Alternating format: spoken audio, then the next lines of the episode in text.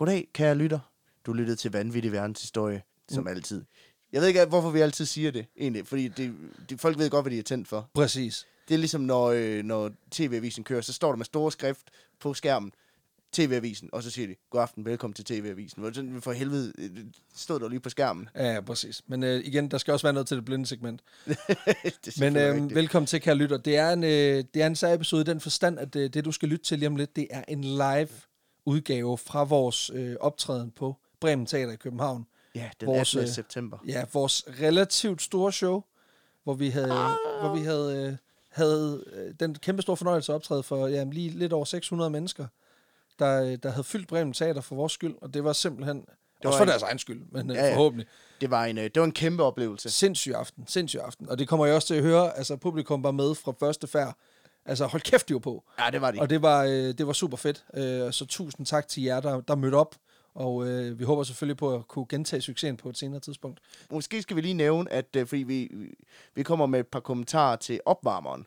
Ja. Øh, og det er fordi, at vi havde øh, øh, en fyr, der hedder Jakob Trane til at opvarme for os. Ja tak. Nogen kender ham måske fra, fra Stormester. Øh, og han spurgte, om man må komme og lave 10 minutter inden. Det måtte han selvfølgelig. Så når vi nævner Jakob, så er det fordi, at han har været på. Han har lige været på. Han har lige været på. Lige præcis. Og så er alt også clearet. Så øh, dig Ja. ja. tilbage, kære lytter. Slå lapperne ud. And bask in our magnificence. vi ses. Hej.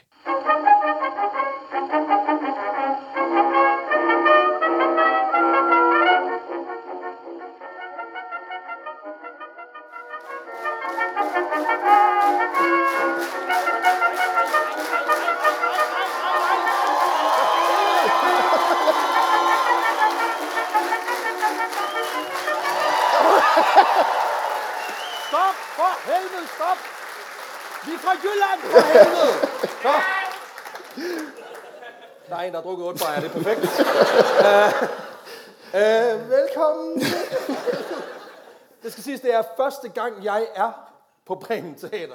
Overhovedet. Ja, Jeg har været som publikum. ja præcis. Så han resonerer, han kender jer, han ved, hvad det er, I oplever nu. Uh, bortset fra, at han så nogle sjove mennesker, da han var her, så det var jo super. Det, jeg kan godt mærke nu, at det var dumt, at vi tog Jakob med, fordi han er markant sjovere end vi er, så det var lidt. Kan vi ikke lige give en ekstra hånd til Jakob Trane? Helt seriøst. Shit.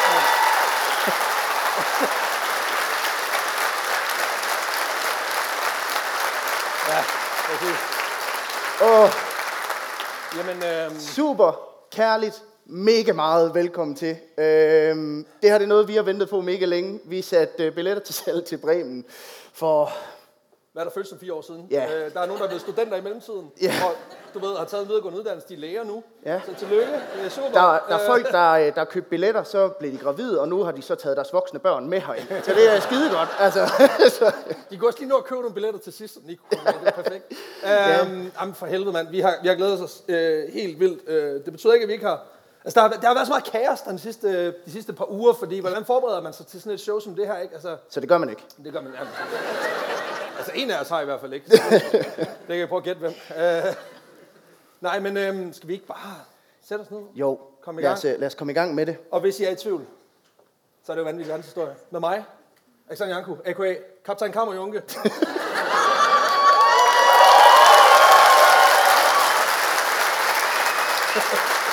og min medvært, Peter Løde. Ja. Okay. okay, fair nok. Jeg, jeg er så glad for, at du brugte Kaptajn Kammer, Junke. Øhm, nu kommer der en dude. det er så fint. Du piller bare, som man siger. Jamen, det skal man sige disse tider. Ja, det fede er jo, at når, man, når øh, nogle af de her gange, hvor vi har været ude, hvor vi skal have de her Madonna-mikrofoner på, der har lydmænd jo været nødt til at spørge om samtykke. Og I, I tror, vi joker, men helt seriøst, vi snakker med en lydmand i Aalborg. Han var sådan, vi er faktisk nødt til at optage, at de siger, at vi godt må røre ved jer. Så, hvordan, hvordan kan I høre lyden? Altså, vi er nødt til at sætte den på vores ansigt først. Ja, det er Ja. også en dilemma, vi er ude i. Altså, landsmøder i de radikale starter på samme måde nu. Og det, øh, det, det var meget fedt. Altså,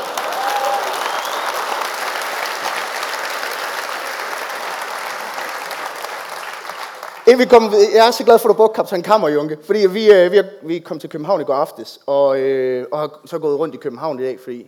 Hele natten. Et, et eller andet skulle vi lave. Øhm, og så kom vi så ud på assistent, assistent, assistance, Vi har gået, vi har gået og diskuteret det hele dagen. Assistent. Assistent. Assistens Kirkegården. Øhm, hvor vi så kommer forbi en gravsten, hvor der står, at en fyr, han var kaptajn Kammerjunker.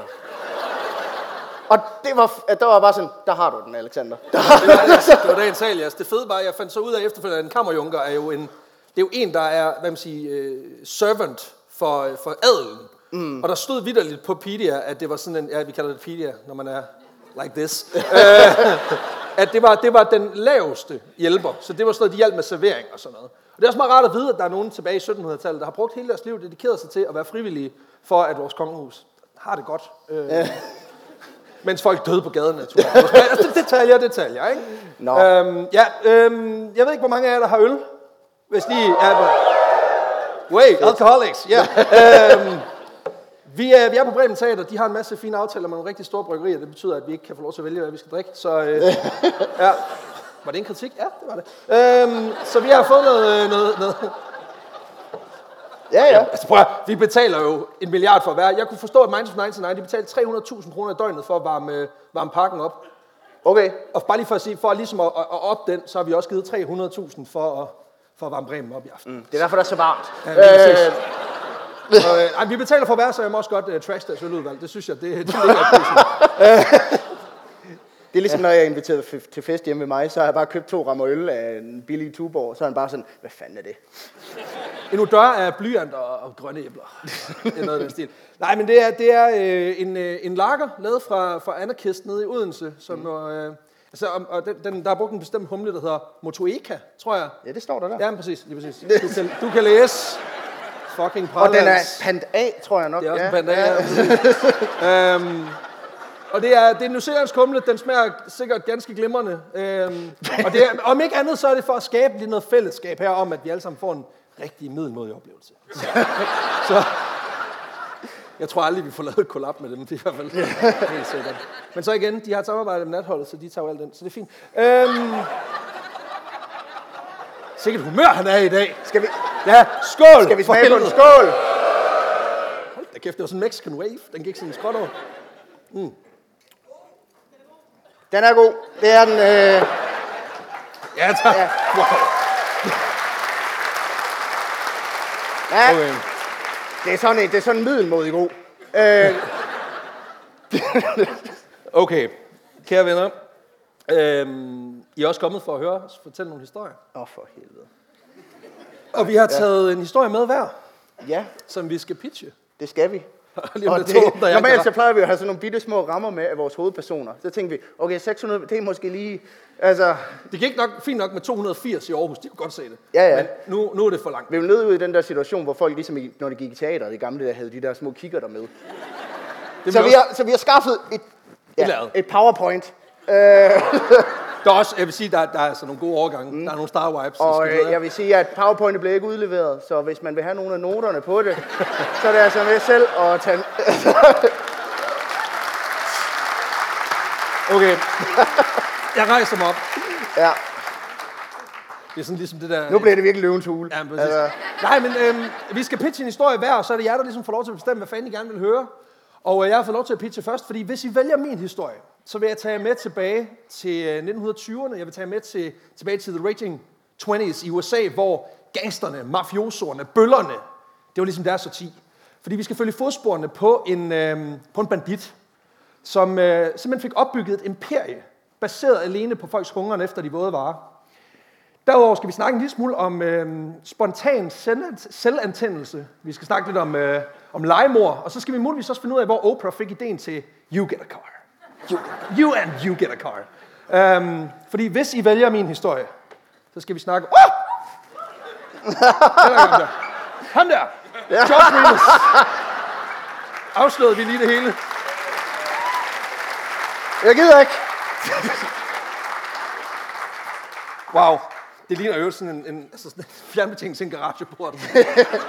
og så er der en federe podcast inde bagved. Det er fedt. Jeg, jeg synes, det, er sådan, det, det minder mere om sådan noget fra Star Trek, sådan noget, kom ind, Planet Vulcan. Altså, nå. Nå, jeg har selvfølgelig også Snæver taget en historie med, og der er blevet teaset en lille smule, fordi at der øh, blev fucket op. Men øh, Det kan vi. Prøv at se, I får lov til så at fik du også ødelagt det. Det var dejligt. Nå. Jeg skal jo ikke lægge skjul på, jeg vil fucking gerne have, at I vælger min historie. Det kunne være fedt at prøve. Øhm,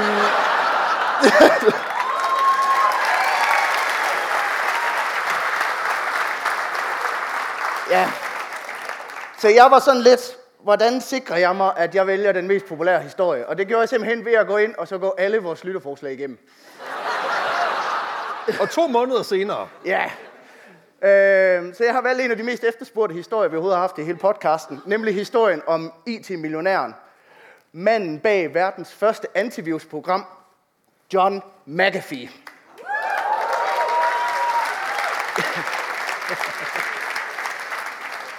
John McAfee, under øh, den økonomiske krise, der skifter han øh, rimandstilværelsen i Silicon Valley ud med at blive gangsterboss i Mellemamerika.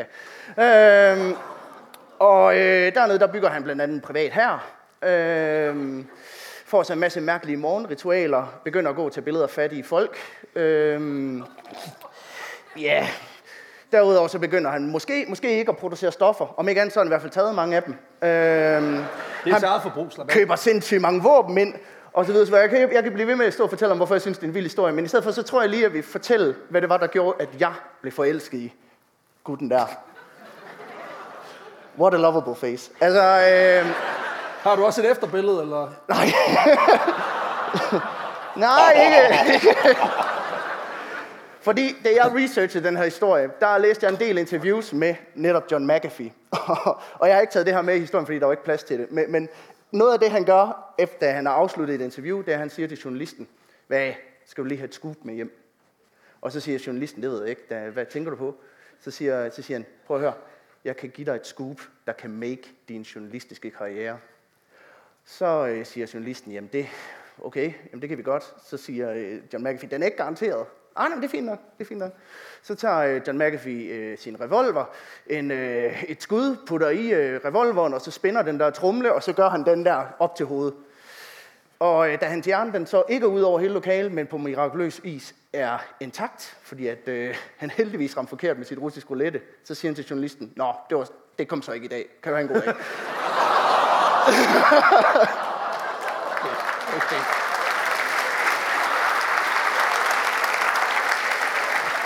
Ja, Nå, jamen altså. altså, du får fire gange så lang tid som mig. Øh, hvis I vælger min historie, så får jeg at vide, hvad fanden det der fucked up billede fra før det var. øhm, ej, nu kører vi en pitch mere. Det kan godt se, det er ikke fair. Og, og Peter har ikke prøvet for, for de helt store publikummer endnu. Øhm, det kan, det Jeg- kan, jeg har det kan ligesom- du jo så tænke lidt over. I kan så vurdere, om jeg vil give jeg ham har den ligesom i bare været med på sådan altså støttehjul. Altså det har været sådan noget... Øh, Jamen altså, hvis I vil give ham et kvote 2-klap, så må I gerne gøre det. Nå, det er ikke endnu. så, øh, så ligger vi, øh, Den er op til jer, venner. vi ligger den der. Vil I helst høre min historie, så klapper I nu.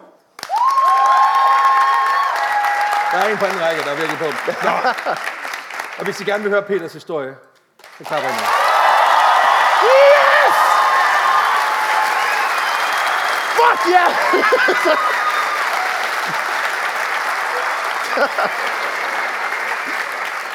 Jeg bliver Sådan der! Jeg bliver også i øjeblikket. Nå, jamen så... Øh, Og så skal vi ud og smadre nogle biler bagefter. Så må Super. vi- Tak. det er sådan, Altså, man jeg skal køre med ham hjem i morgen. Altså, det bliver... Det bliver godt. Vi skal ud over en bro og alt muligt. Altså ikke... Eller det ved jeg selvfølgelig ikke, om vi skal nu. Øh, Okay, det bliver aldrig udgivet. jeg kan godt være, at I skulle valgt hans i stedet for. Altså. Nå, jamen... Øhm, ja. Jamen, så, så, jamen, så fint, så gør vi det. Det bliver prøver vi. spændende. Så må vi jo så se, hvad det kan. Øhm, ja. Ja. I må lige væk, når hvis jeg falder søvn. Nå, Ej, han er skide sjov. nu synes jeg, du er lidt hård. Nå, vi skal som sagt snakke om John McAfee, som de fleste nok bedst kender for at stå bag den her død irriterende. Nu, nu flytter du rundt på møblerne også. Men det er det, jeg gør, når jeg normalt hører podcast. Okay. Jeg har noget vasketøj ude bagved. Nej, så! Nu skal jeg nok. I det mindste have, jeg er en god ven. Begynder at støvsuge lige om lidt. Det vil jeg skide godt. det er irriterende. Okay. Nej, undskyld. Så nok være ordentligt nu. Vi har fået to timer, det er hans skyld, hvis vi går over. Øhm, nej, vi skal snakke om John McAfee, som de fleste nok kender for at stå bag den her døde irriterende antivirus-software fra midten af nullerne. nemlig McAfee Antivirus, sjov nok. Øh, det er et stykke software, som nok mest er karakteriseret ved, at det ikke er så meget et antivirusprogram, det er bare en fucking virus i sig selv. øh, for i starten af det her årtusind, der kunne du ikke købe en halvsløj øh, compact laptop nogen steder, uden at den kom præinstalleret med McAfee Antivirus. Og du kunne fandme ikke slippe af med det lort, når først det var inde på harddisken. og det var drønende irriterende, for hvis du ikke købte programmet, så poppede der sådan et vindue op, hvor der står, din, din PC er i fare. You are at risk, står der. Og, og det kan godt være, at du sletter det her program. Men så næste gang du åbner din browser, så er det der kraft med igen. Altså, Som den stalkeragtige ekskæreste, ikke? Ja, ja. ja. Det Igen- ved ingen af os, men altså, you get it. men min ekskæreste kender alt til det. Øh,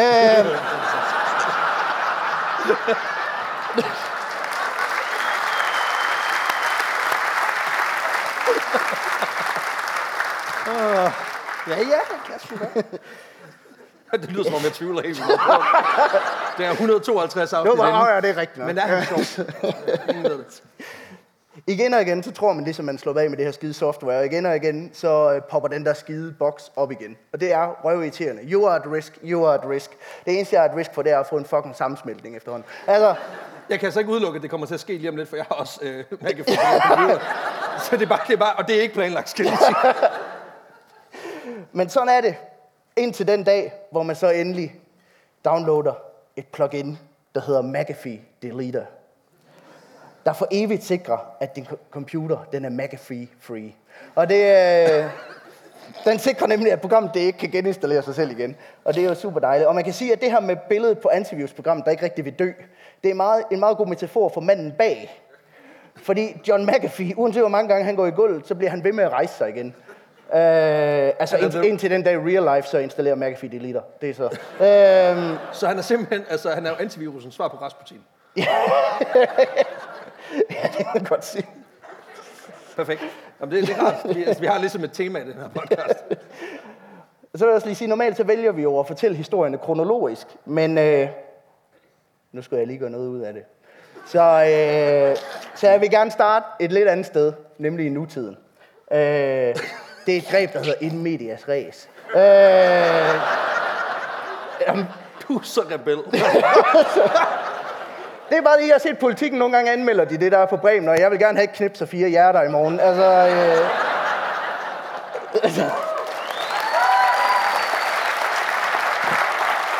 Nå. Altså, jeg kan jo allerede nu fortælle, hvad, hvad anmeldelsen kommer til at sige. Men publikum grinede. Så, Men hvad ved de? ja, ja.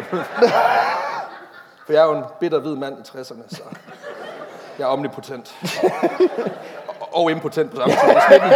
Det er en, en vild, vild ting, men altså... Nå, vi skal tilbage til juni, nærmere bestemt den 23. juni 2021, altså for hvad, en tre måneder siden. Øhm, for der får fængslen, eller vagterne i det spanske fængsel, Brian Stø, sig lidt af en grufuld overraskelse. Fængslet, som ligger lidt uden for Barcelona, har nemlig siden oktober 2020 haft en lidt speciel fange øh, i form af rigmanden John McAfee. McAfee han blev pågrebet, da han steg flyet i den katalanske hovedstad og arresteret for systematisk at have unddraget at betale skat i sit hjemland USA fra 2014 til 2018. Så det er fire år, han ikke har betalt skat. Øh, men det er ikke første gang, han sidder bag trammer. Tværtimod, for han har masser af lige i lasten, og de stinker. Øh, han har også lasten med. Det virker. Et hårdt liv har sat sin spor i den 75-årige computerprogrammør. Det er et liv med stoffer, svigt, alkohol, sex, svindel, flugt, private militser og prostitution. Med andre ord opskriften på en vindertype. Øh, en god polterappen, kan man også kalde det. Øh, ja. Som en lille leg i løbet af den her historie, så kan man måske lige mentalt notere sig, hver gang jeg nævner, at han bliver anholdt.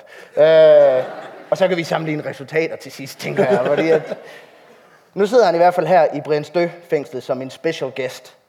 Det er, den her dag, den 23. juni, der har den spanske domstol bestemt, at han skal udleveres til USA, så han kan retsforfølges for sine handlinger. Men John McAfee han har skabt en formue på at bekæmpe viruser, der inficerer og ødelægger alt, de kommer i nærheden af. Og nu er det på tide at gøre op med den virus, der har inficeret og ødelagt hans eget liv. Nemlig ham selv ja, det jo meget dystert. Er Øh, for få timer efter domsafsigelsen, den sagt, der kører han i en McAfee Deleter på sig selv. Øh, og, og hænger sig i sin celle i fængsel. Det er ikke sjovt. Det er ikke sjovt. Det er ikke sjovt, det er ikke sjovt. Nej, ja, I synes, det er sjovt. Det er ikke Nej, sjovt. nej. En mand er død. Jamen, jeg tror, når historien er over, så vil man være sådan, ja, okay, ja, ja. det er en tragedie plus tidlig komik, ikke? ja, ja. Men, øh, Det er godt grine, at du er tre måneder siden, men, ikke? Og vi skulle have set, hvordan jeg, jeg slagtede i december 2011. Ja. Der var lige gået tre måneder, så måtte man godt. jeg ved også er to. bare, bare det, jeg skrev det på sådan en fornøjelig måde, så er jeg allerede nede på tre hjerter i øh, politikken. Nej, det er jo samfundssatire. Men, Men med den gerning, der slutter så et turbulent og uligevægtigt liv. Kan I komme godt hjem? Nej, øh, nej, lad os lige lade ham hænge lidt og træde nogle år tilbage i tid. Øh, for helvede. valgte jeg at starte en historie inden medias res, bare så jeg kan skrive det. Ja. Øh, Men øh, John McAfees opvækst og liv forud for det her øh, er mildest lige så tumultarisk som, som øh, resten af hans liv. For hans far, Don McAfee, han er en tidligere militærmand, der gennem Johns opvækst brødføder sig selv og familien som vejinspektør. Og med brødføder sig selv, der mener jeg brød- brødføder primært sig selv. Og med brødføder sig selv, mener jeg primært med stærk alkohol. Jeg skulle lige fly, flydende brød, ikke? Ja, flydende brød. Ja, ja.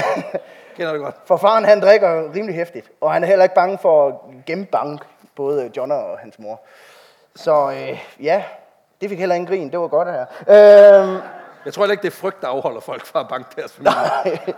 Jeg vil jo gerne vappe hende et par, men... Hun er sgu lidt stor i det også. ifølge John selv, der er, øh, der, der grinte jeg alt for meget, men fuck det. Øh, ifølge John selv, der er tæsk egentlig bare en hverdagsting i, i familiens hjem, når faren han kommer hjem for druk. Så det er en barsk verden, han indtræder i, da han kommer til verden på en amerikansk militærbase ved Gloucestershire. Uh, ja. Den er der ikke helt, men det er tæt på. Altså, øh, I England den øh, 18. september 1945, hvor faren han er udstationeret. Det er det sted med osten, ikke? Jo, lige præcis. Ja, det var derfor. Eller Ja. full ja. wheel. Ja, men jeg kan ikke sige, at vi kommer forbi mange ting i podcasten. Vi skal også til Augsburg på et tidspunkt den her. Altså, det er...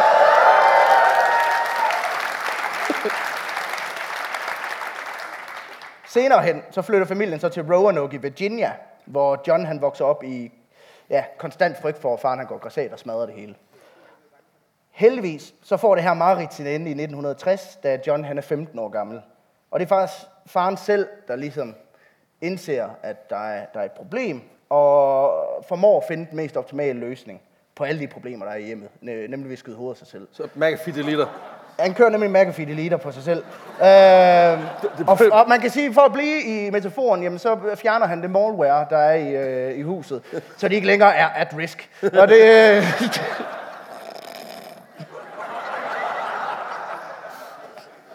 ja, Du er så bizarre, mand. Det er helt vildt. det bliver værre endnu. Jeg har flere bagud. Altså. McAfee, McAfees øh, opvækst og farens selvmord, det kan jo ikke øh, undgå at sætte nogle dybe spor i den her knægt. Blandt andet så beskriver han, hvordan faren resten af livet er med ham i alt, hvad han gør, som sådan en fucked up form for anti-skytsengel. Øh, den måde, han fortæller det på, det er, når jeg vågner om morgenen, så er han ved min side. Sådan en konstant påmindelse om, at igen i dag, der skal jeg bare pisse på hans minde. Åh, okay. Ved at være 100 gange bedre, end han var. Så sådan en form for motiverende Trojan horse. Ja, ja. Den ligger sådan lige... Kommer lige. Jeg er her stadig. Jeg er jo lort. Ja, Jeg er ja. her. Ja, det var træls, jeg slog dig, men du er fandme motiveret nu. Altså, øh, En helt anden form for pacing, ikke? I midten af 60'erne, der bliver John så optaget på matematikstudiet ved Roanoke College. Og mens han går der, der får han økonomien til at hænge sammen ved, at han får sit første salgsjob, hvor han skal sælge bladabonnementer ved gå dør til dør. Og der vil jeg lige sige, hvis man tror, det er hårdt at lave kold canvas-salg over telefonen, øh, så forestil dig det, at jeg skulle gå ud og sige, ding dong. Var det noget med et abonnement på Wendy? Nej. Chili? Nej. Hvad altså, har vi til dig? det var sådan, når folk de åbner døren, så er de bare sådan, fuck it, jeg håbede, det var Jehovas vidner. Altså, øh, Så er det bare ham med vi med hund. Men måske, at Jehovas vidner, de skal lure lidt på nogle af de tricks, han bruger alligevel. Fordi at han er fucking god til det. Primært fordi han snyder. Øh, Og du tænker ikke at love et, et, et, et evigt fedt efterliv. Det er cheat codes. Altså, altså, de har vidderligt det fedeste produkt i verden. Et evigt fedt liv. Nå ja, Men folk skal vidner, stadig jeg fucking tænker- ikke jeg bede om det. ja, ja. Altså, Ja, det er rigtigt. Den, den- den er åbenbart svær at sælge, den idé. Det er fordi, du ved, der kun er 144.000 pladser. Og du er bagerst i køen. Altså, det, du er den der, der logger ind på skat. Altså, du ved, lige lidt for sent. ja. Bare se den der bar, bare gå hjem og søge. Jeg håber kraftet med, at jeg dør. Altså, efter den der. Med ham, kommer lille mand, der løber. Ja. Det er så træls, at man er inde på skat, hvor han er så langt bag i køen, at så står han bare stille. Det er fucking træls. Øh, Han har McAfee deletet sig selv, ikke? det bliver ikke i år. Fuck det skat der. men McAfee, han fusker i hvert fald fucking meget med de her bladabonnementer. Det han gør, det er nemlig, at han går ud til folk, banker på, så siger han, pænt goddag her, det skulle deres heldige dag i dag. De er nemlig den heldige vinder af et gratis årsabonnement. På årets mest spændende og action blad, nemlig også der hækler. Og øh, stort tillykke her, og han har stået der, okay, ja, fedt nok. Det eneste, du skal gøre for at claim dit gratis abonnement, det er at betale en lille bitte, bitte udgift til, øh, til fragt og administration, og så vil der være læsestof til tusindvis af søvnløse netter i selskab med de hotteste hækleopskrifter. Og bum, salg. Altså, det er der ingen, der kan stå for det der. 12 blade, jeg ikke vil have. Jeg skal kun betale for PostNords arbejde. What's not to like? Ja. Altså, Og hvis man sidder derude og tænker, det har jeg hørt før, så ja, det er præcis den samme metode, som de der skamere fra Nigeria, de bruger. Når de skriver til dig, at du har vundet en Porsche, du skal bare betale 100.000 dollars for at få den her op. I have crate of diamonds. Men han tjener kassen på det. Det virker. Og han har hårdt brug for pengene, kan man også sige. Øh, fordi udover at det er dyrt at gå på college, så skal han jo også lige brødføde sig selv. Og med, og med brødføde sig selv, der mener jeg primært med stærk alkohol. øh, Den vågner hver morgen. Skål, far. Du lærte mig meget. jeg er 100, 100 gange bedre til Bell Bayer end dig. Altså, Drikker for hver bajer, du drak, en. Uden det bajer. men i, i løbet af sit første studieår, der får, der får han altså udviklet et gedint alkoholmisbrug. Like father, like son, som man kan. Og øhm, alligevel, så formår han at dimittere med en kandidatgrad i, i matematik i 1967. I 1968, der øh, blev han så tilbudt at tage en Ph.D. ved Northeast Louisiana State College. At de deler dem også bare ud derovre. Det er også meget motiverende for mig, der aldrig har taget en kandidat at vide, at altså, jeg kunne godt med en promille på to. eller han, han kunne, jeg, har, jeg kan ikke overskue det, men, men, men det er meget motiverende, så tak, tak for det, jeg tror. Ja, ja. Altså man kan sige først, hvis man sidder derude og mangler lidt motivation, så er det her sådan lidt en you can do it historie. øhm, så hvis man bare lige glemmer, at slutter med, at han begår selvmord i fængsel. Så hvis I lige stopper før det, ja. så, så er den der. Men mens han er her ved, øh, ved, ved, i det her, den her phd stilling der, øh, der udvikler han så oven i hatten også et øh, voldsomt misbrug af marijuana. Øh, og sjov nok, så ender han selvfølgelig også med at blive smidt ud af det her phd studie øh, Det er bare ikke på grund af alkohol eller marijuana. Nej, han blev fyret, fordi han bogstaveligt talt blev taget med bukserne nede på sit kontor, halvvejs inde i, i sin unge kvindelige studentermedhjælper. Og så ryger han ud på bare røv og albuer. Altså, det gider de fandme ikke have. Nej. Så faktisk så vælger han senere at gifte sig med hende og studenter med i hjælperen. Og det er vist nok, som jeg har forstået det, for lidt at prøve at holde gang i den her affære. Øh, det er ikke rigtig noget, han har lyst til, men det vil hun gerne, at det skal være lidt mere seriøst. Og der er han sådan, nå ja, okay, ja ja. øh, I hvert fald så holder ægteskabet ikke særlig længe. Jeg ved ikke, hvor længe. Jeg ved ikke, hvor længe. Men det er så kort tid, at hun er angivet som unknown woman på Wikipedia. Hun er langt nede på rollelisten Ja. i, det her, i det her spil. Det kan ikke være et langt forhold, når hendes, når hendes navn ikke engang er værd at nævne på, på Wiki, eller på Pedia. Hun fik ikke det. nogen credits. Nej. Nej. Også fordi, jeg var så inde og kigge, Britney Spears hun var gift med Jason Alexander i 55 timer, det står derinde. Men havde de ikke lidt cloud begge to? Det er derfor. Åh, det er derfor. Ja, ja. det er derfor. Hun blev simpelthen ikke øh, til nok. Efter han har fået sparket fra Northeast Louisiana State College, der får han så job hos Univac i Bristol.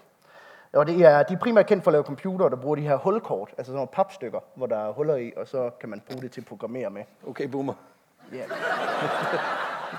ja, ja. ja. Du sidder og skal forklare en sal, hvor gennemsnitsalderen måske er 30, hvad hulkort er.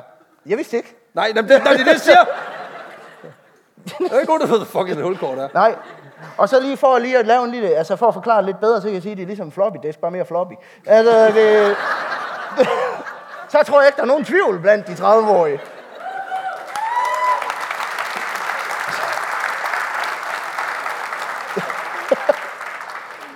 Hans job, det bliver så, at han skal sidde og kode de her hulkort, og det er bogstaveligt talt, altså, det er Han sådan noget og med... slår huller. Ja, ja, altså, ja, det er sådan en hul- hulmaskine, næsten. Altså, det er ligesom bare at sætte ting i mapper, på en eller anden måde.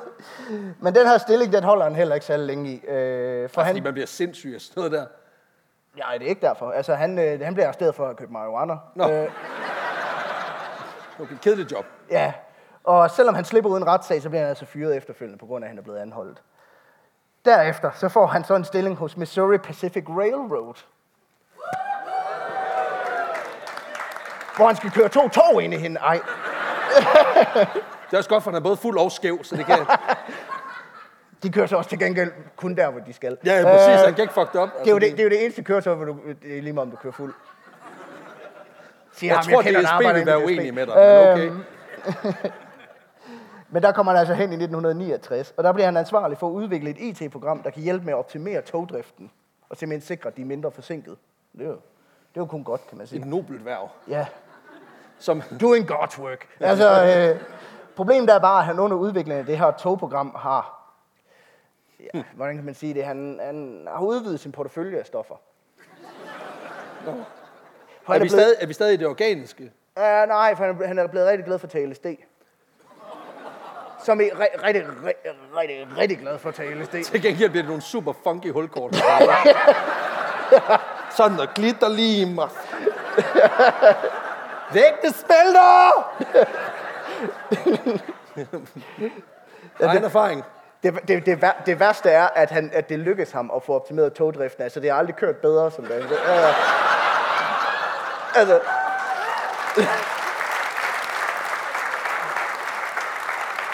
det siger også bare noget om, hvor fuck togdriften er. At det tager en mand på speed at få det op at køre. Altså, på den måde, så kan man også sige, at LSD er jo et work drug, det ved du godt, ikke? Ja, ja, men, men det, er det jo også bare sådan, altså hvis DSB de skulle løse sine problemer, så skulle vi bare hyre sin lige og spille noget DAC, så var den der. Altså, det.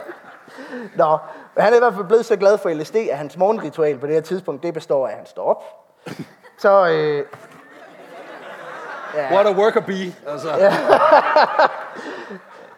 han står op, tager et brev LSD, og så kører han på arbejde og håber på, at trivet ikke lige rammer på vejen. Det er alligevel et stærkt sats hver morgen. Ja. Altså har man også styr på enten dosering eller timing. Og man kan sige, det er begge dele, skal han jo sådan set bruge i sit arbejde, så det er jo, Ja, det er ja. et godt tegn. Jeg kan også bare forestille mig, at han har kørt i bilen der. Jeg skal på arbejde. Jeg skal på arbejde, og jeg skal køre lidt med tog. Og på vej hjem er det pølsemix, ikke? Ja, og så sidder han der helt højt på teknokoren og effektiviserer togtider. Det synes jeg er meget fedt. Jeg troede, at LSD havde fået navnet Techno Kicks i vores øh, podcast-univers, men øh, Åh, oh, ja. Ja, ja. Det, øh, skal det er hvis du at holde os til her. Ja. Øh, ja, jeg er ikke... du har Ja. ikke styr på lingoet. Nej, jeg er ikke, jeg er ikke helt inde i kanonen. Nå, det her psykedeliske misbrug, det kommer så langt ud, at han en, øh, en dag vågner og er sådan lidt sådan, åh, oh, det er en hård morgen. Der skal lidt ekstra knas til. Øhm, lidt ligesom når vi andre tager et espresso shot oven i morgenkaffen, så øh, ved, altså for lige at blive ekstra friske, så gør han også noget. Øh, fordi den her morgen, der vælger han nemlig i stedet for at tage sin morgen-LSD og tage et skud af det, der hedder DMT. Og det er verdens mest kraftigste psykedeliske drug. Ja. Fedt nok, at han tænker, at det er det, der får mig i gang. altså, jeg er ret sikker på, at man skal ret op og køre, for jeg synes, det virker som en god idé. Men øh, han er ligeglad. Altså, han er fuldstændig ligeglad. Øhm, jeg tror, han vil tage et større frimærke. Du ved, en af de helt store. Han skal over optimere på snor, det er derfor. De er gode til frimærker i forvejen, så det, det, det, det passer lige ind. ja. ja. Jeg kan også fuck dig op.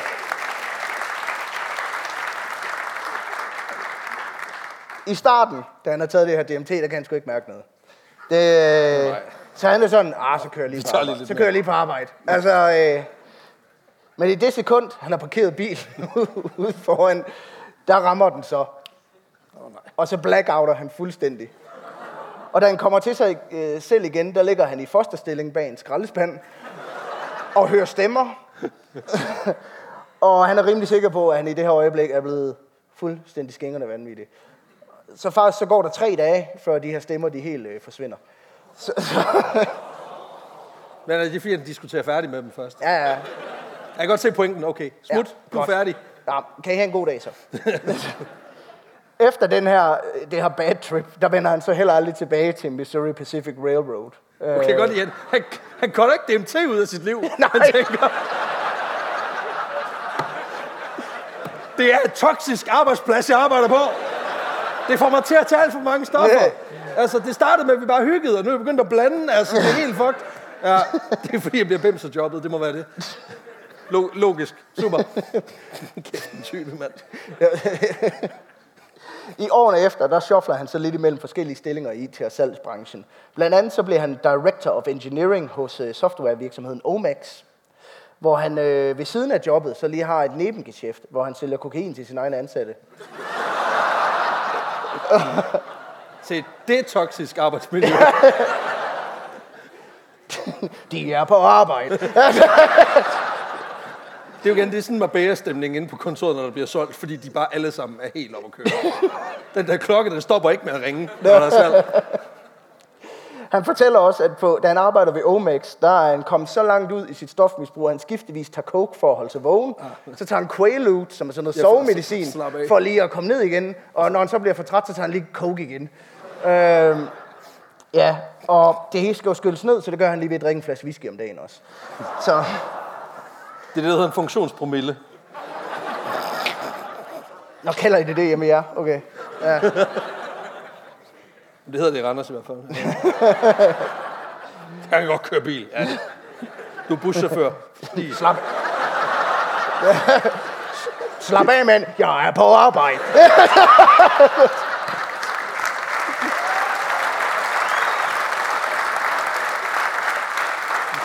Det er jo det eneste sted i landet, hvor du kan se en buschauffør køre ind igennem McDrive.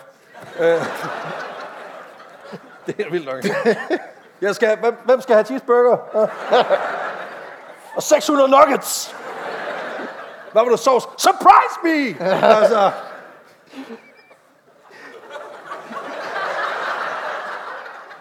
Jeg har ikke noget manus, for helvede. Jeg har taget noget Jeg DMT, godt, jeg men godt lide den. Altså, jeg synes, vi, ja, det burde man indføre. du er så god til et pitch, så gør du Nå, til sidst, det eneste, der fylder i hans verden til, taler aller, sidst, det er altså, hvordan han kan skaffe flere stoffer. Og derfor så træffer han også for en gang, en gang skyld i sit liv en fornuftig beslutning og søger hjælp. Uh, han opsøger en psykolog, der får arrangeret, at han kan komme til et møde med AA, anonyme alkoholikere. Uh, hvis der er sådan nogen, der sidder derude og siger sådan, fuck, hvor går man hen? Uh, det er totalt mig, det der. Uh, og, men ved det her møde, der fortæller han så også, at han for første gang i sit liv føler, at der er nogen, der forstår ham. Og fra den skæbnesvanger dag, der har... Jeg meget, synes, det er meget sødt, at det gav et år. Det gav, jamen det gav lige så meget som Jakobs hund, ikke? så har han bare tænkt, det er ikke så godt at tale sten. Mus. Også bare da han hang sig i cellen, der var der ikke noget. Nå. Altså, det var bare... Jeg tror, det er fordi, det minder mere om, at du ved, når man ligger bag en skraldespand og er helt fucked up, så ligner man også lidt en hund, når man ligger Nå, der. det kan godt være. Men for den her skæbnesvanger dag, der holder han sig faktisk ædru, påstår han. Øh, altså, jeg har ikke kunne få noget dok- dokumentation, men jeg synes, man skal, man skal lige tænke over den, når historien er over, om, om han nu også gjorde det. Det, det vil jeg lade være, Han helt op til lyder, jer. han lyder lidt som en mand af sit ord, så jeg tror, jeg, tror, jeg stoler på ham. Ja, ja. ja. Dejligt terræn, ikke? Øhm, nå, lad os hoppe til et helt andet sted i verden. Ja, ham fra politikken, du kan godt tage noter. Øhm,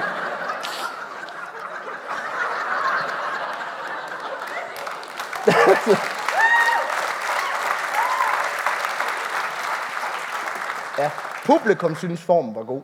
Øhm, men øh, vi, vi hopper lige et smut til Pakistan. Øhm, ja, Året er 1986, og folk er for alvor ved at få øjnene op for, at det der med computer, det skal nok ikke bare en dille. Øh, tre år forinden, den 1. januar 1983, der er de første ikke-militære datamaskiner begyndt at tale sammen over noget, som man kalder for internettet. Øh, og selvom det der sådan, internet stadig er i sin sådan, spæde barndom, så er nørder verden over blevet meget fascineret af den her idé om at kunne dele data med hinanden. Det- Okay, det lyder virkelig meget som en lam score-replik fra, da- fra datalogi. Ja, Skal Det er ligesom at skal vi ringe bare- data? Det er ligesom at ringe bare langsommere. To af dem, der er blevet bidt af visionen om at dele data. Ja. Øh, det, er-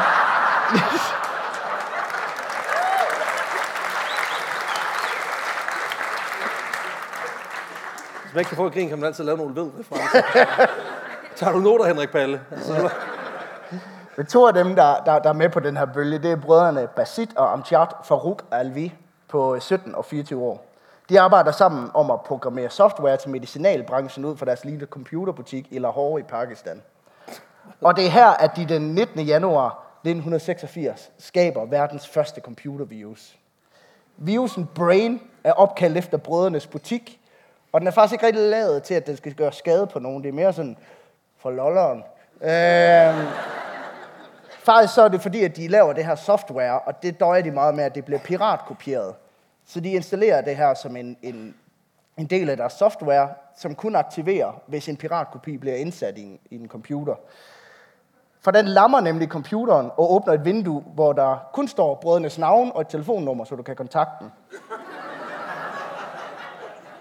Ja, og Det er det, altså, det svarer lidt til, hvis du vil lave graffiti og slippe afsted med det, og så skrive dit eget navn. Men Men folk er vel selv kriminelle, når de gør det, så det er jo... Ja, det er jo det. Det er med, at du bare maler over andres Det det. med dit telefonnummer. Det virker jo. Det kan godt se. ideen er så, at dem, der ligesom bliver infi- inficeret igennem det her øh, kopierede software, de kan kontakte dem og få vaccinen. Øh, altså købe den rigtige software. Så det var meget godt tænkt, kan man sige, at prøve at piratkopiere. Øh, altså Ja, sikre ja, sit, øh, altså, logikken er der. Ja. et år efter, i 1987, der ringer telefonen så i den her Brain Computer Shop. I den anden ende, der er der en amerikansk journalist, der gerne vil vide, hvad det er for en mærkelig pop-up, der kom frem på en universitetscomputer i Miami. Det er det første øh, tilbagemelding, de overhovedet får på deres virus. Først havde de glemt alt om, at de havde installeret. Og de er faktisk lidt skræmt over, at den her virus, den har formået at sprede sig hele vejen til USA. Især fordi, at den jo spreder sig via øh, floppy disk. Som er en form for firkantet CD til de unge. Hvis I, øh, hvis I lukker øjnene, forestil jer det der gemmesymbol, der er på jeres computer. Det er den. Ja. Og jeg ved, der er nogen herinde, der er under 18, så jeg er nødt til at lige at... Det ligner lidt dem, du puttede i din Gameboy. Åh, oh, okay. Fuck det. Altså, Men det værste, jeg har faktisk ikke en reference, hvis man sådan lidt lidt tid. ja, Nå, men det er det, jeg siger. Jamen, du har jo en lille datter. På et eller andet tidspunkt, så er du nødt til at forklare hende, hvad et kassettebånd er. Og det, øh, Det er jeg ikke sikker på. Altså, det er fordi, jeg antager, når hun er ved at være 18, så lever vi mere i sådan et Mad Max-agtigt øh, landskab. Så der er det mere sådan noget med at, du ved, forklare hende, at vand er en vigtig ressource, og at du kan altid bytte nogle øh, altså ølkapsler. Det er den nye... Øh, det er de nye kroner. Så øh, Og nu skal hun egentlig også få gå til Gastown og købe noget benzin. Ja, og, præcis. Ja, på det her tidspunkt, der arbejder John McAfee hos uh, luftfartsgiganten Lockheed, der uh, producerer han fly. skruer nogle ret vilde jobs, når man tænker på, hvor fucked up han er. Han har han, han uh, inden her, der har han også arbejdet ved NASA. Det er også bare, man ved, der sidder nogle humanister derude, de har været på, du ved, de har været på dagpenge i to år, og de kan ikke få et fucking job. Han vælter bare ind helt op og køre. Tænker, "Hold kæft, en stor penis, jeg har herinde, mand. Skal du være ingeniør her? Det tror jeg nok. Du skal bare ind, sæt dig, lav hulkort. Skide godt. ja, fordi det, det er en ret vild virksomhed. Altså, de producerer fly til det amerikanske militær. Og det er rigtig mange af deres projekter er hemmelige. Det er langt de fleste, som John McAfee han arbejder på også. Øh, Nå, men han kan jo ikke huske på næste røv alligevel, når han kører hjem, så han er alt for sådan... Det var, sådan, det var egentlig genialt at have en stofmisbruger til at arbejde på sådan noget. Fordi så er det altid det der, hvis han kommer til at lægge noget, vi arbejder på UFO'er, så er det bare sådan, at han er på stoffer. Altså, jeg ved, øh... Nå. Bulletproof plan lige der. Men han står simpelthen for at udvikle IT-udstyr, sådan noget IT-udstyr, der kan genkende, sådan noget voice recognition. Ja. Øh, til, til de her kampfly. Og på det her tidspunkt, der har han holdt sig på måtten i fire år, hvad angår alkohol og stoffer. Så Angiveligt. angiveligt. Øh, men da han læser om brain-virusen, som angiveligt har inficeret op til 100.000 computere rundt omkring i verden, og til de unge mennesker, der var ikke så mange computere dengang. Det, Så det, det er mange. Men øh, da han læser om den, der får han nok lige lyst til at tage en lille pjeffer. Øh, det, det forstår jeg ikke. Han- Han læser en artikel i Datsun's Wired og tænker, Nå for fanden, Ja. det var mange virus. Skulle jeg til DMT? altså, der, er- der er et eller andet, der siger mig, at han bare har ligget lige på kanten hele tiden. Og bare ligesom har manglet et eller andet, der var en undskyldning. Ja. Mest. Jamen, jeg ved ikke, om han lige Nå, tager det sådan er tid lille... break the glass emergency bag of cocaine. Ah! I'm back, baby! Det er fucking pakistanernes skyld, det her. Altså. Nå. Men tanken om en orm, der æder vores data, den skræmmer ham virkelig, virkelig, virkelig, virkelig meget. Det forstår jeg godt, når man er på LSD. Ja.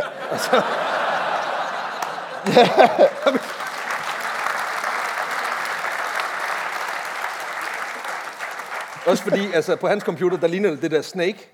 Men det han ser, Det er bare... Hvis man vil have en visualisering, kan man gå ind og se den nye Dune-film, der er sådan en stor orme med. Øhm, Han så dem først. Men, men, men han får ligesom tanken om, hvad hvis noget lignende pludselig kom fra nogen, som havde lidt mere sådan fjendtlige intentioner, end bare at beskytte deres egen software.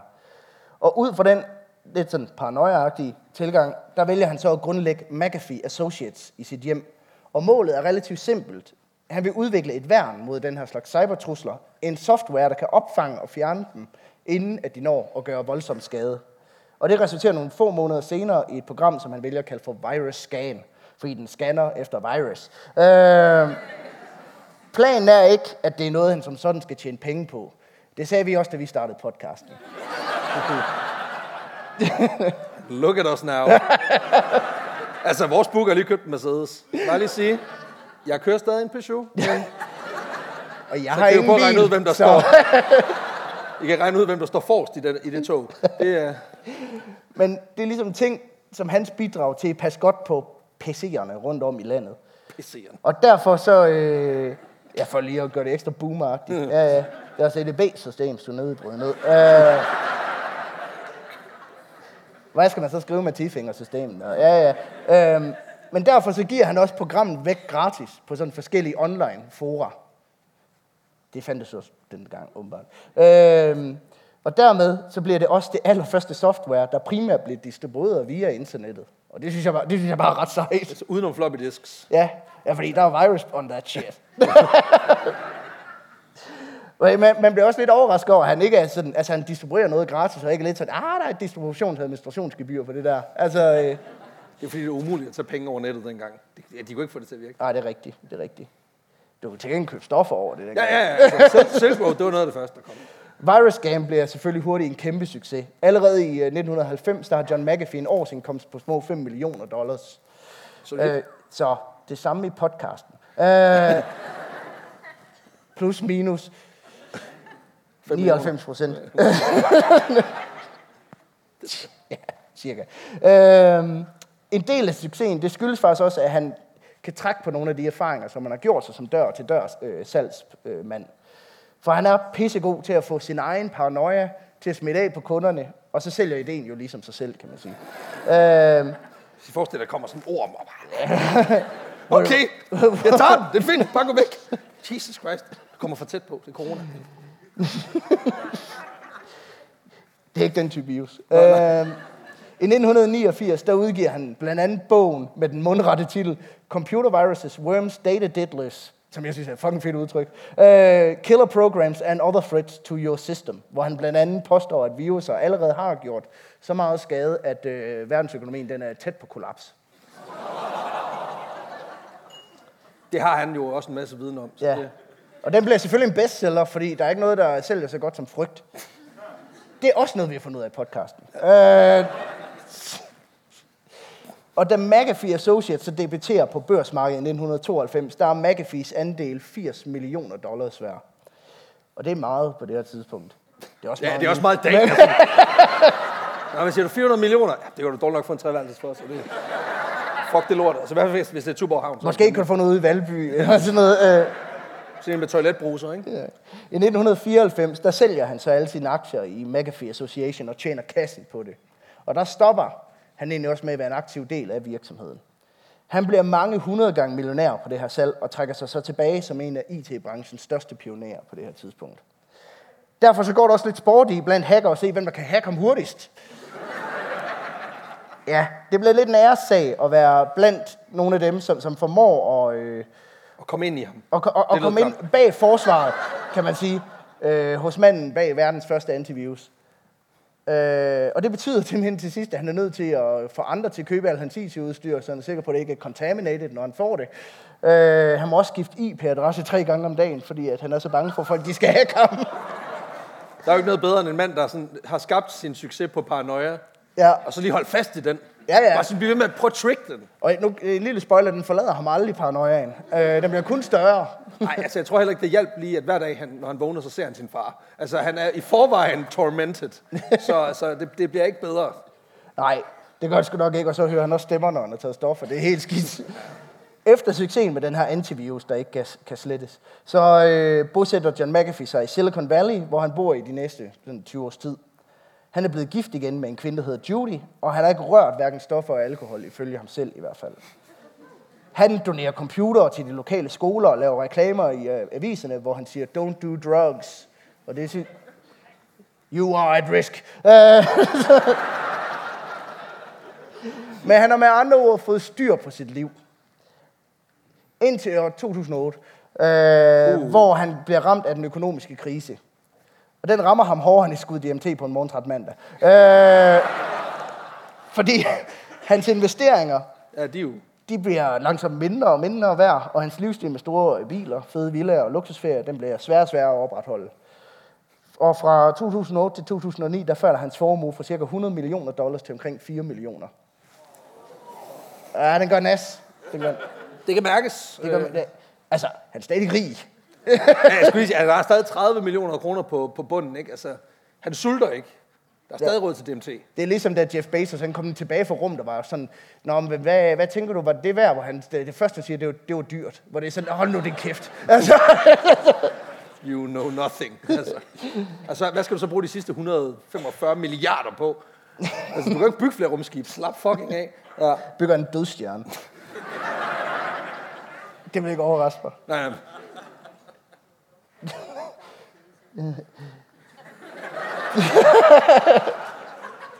Det er fedt, når publikum laver noget, der er sjovere end det en selv. Altså.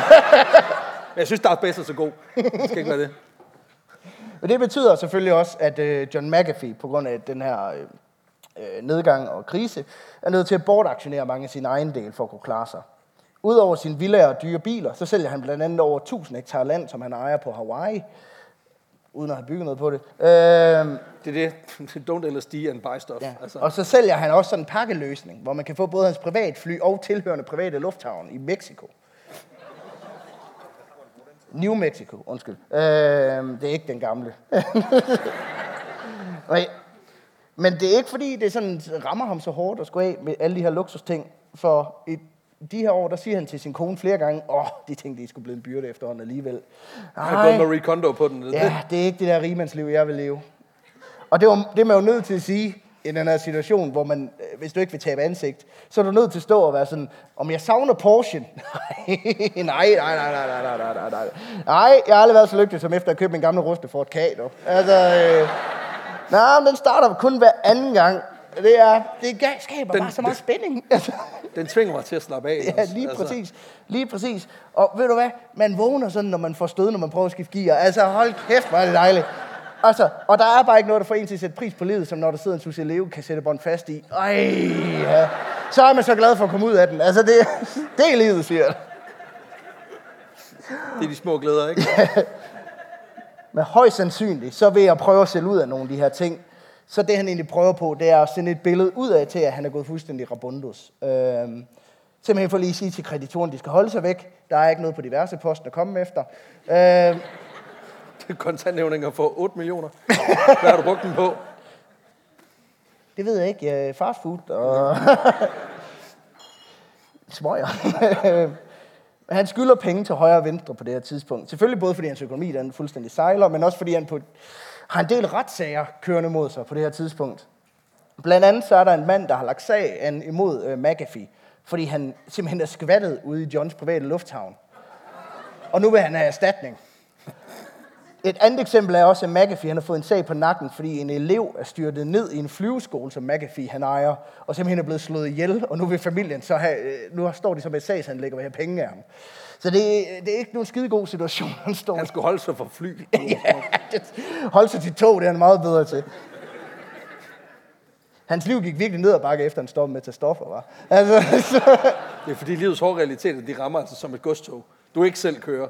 Det er, det er til gengæld så er det et meget effektivt tog, som kører til tiden. Du kan regne med det. Ikke?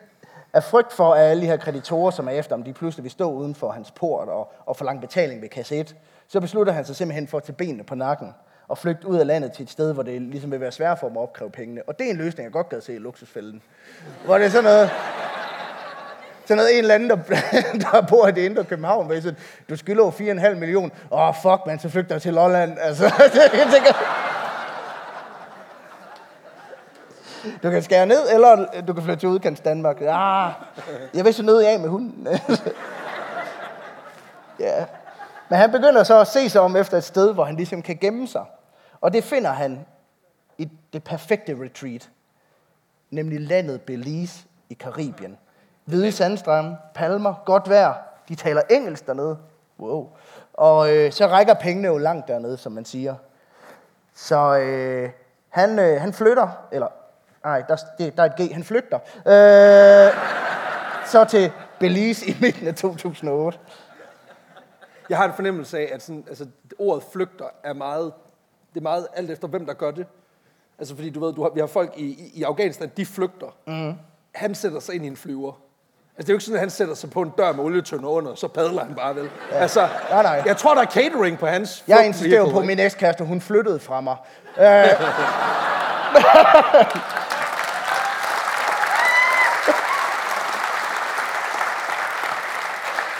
Det vil jo, altså, jeg tror, det har lidt konta- altså, det har sådan kimen af det der, du ved, sådan en konfrontationsinterview i Operation X. Ja. Stine, Stine, hvor skal du hen? Hvorfor løber du? det er bare så dejligt at løbe. Har du ikke mere at sige? Nej, gå nu væk. Speaking over for helvede. Hvorfor har du hyret ham? Lad være. Hvad siger du til, at der er nogen, der skvatter ud i din lufthavn? Det er ikke noget at sige til, de må nu er gå. Altså. Kort tid efter han er ankommet til landet øh, Belize, så opkøber John McAfee så to en halv kvart- øh, hektar jungle på øen Ambergris Cay. Og øh, det her land, det er sgu ikke lige frem, fordi det er prime real estate. Øh, det ligger, Det er en jungle jo. Ja, det, og så ligger det også lige langs med floden, og øh, ja, det er faktisk mere sådan en mangrove-sump, han har købt. Det er så, faktisk så sumpet, at, at jorden det bliver beskrevet som mere flydende end fast. Lidt ligesom ens afføring, efter man har været på Domino's, ikke? Øhm, Min apropos hjerne, Spiegelhauer. øh, min hjerne, den gik direkte til noget med afføring. Jeg, sad, jeg, jeg var indrømme, at jeg skrev det ind i manus, og så sad jeg sådan og jeg læste det igennem i, i går på hotelværelset, og så var jeg sådan, ej, det er også plat, kan du, du, du bliver nødt til at finde på noget andet. Så sad jeg og tænkte i 10 minutter, og så var jeg sådan, kan jeg ikke.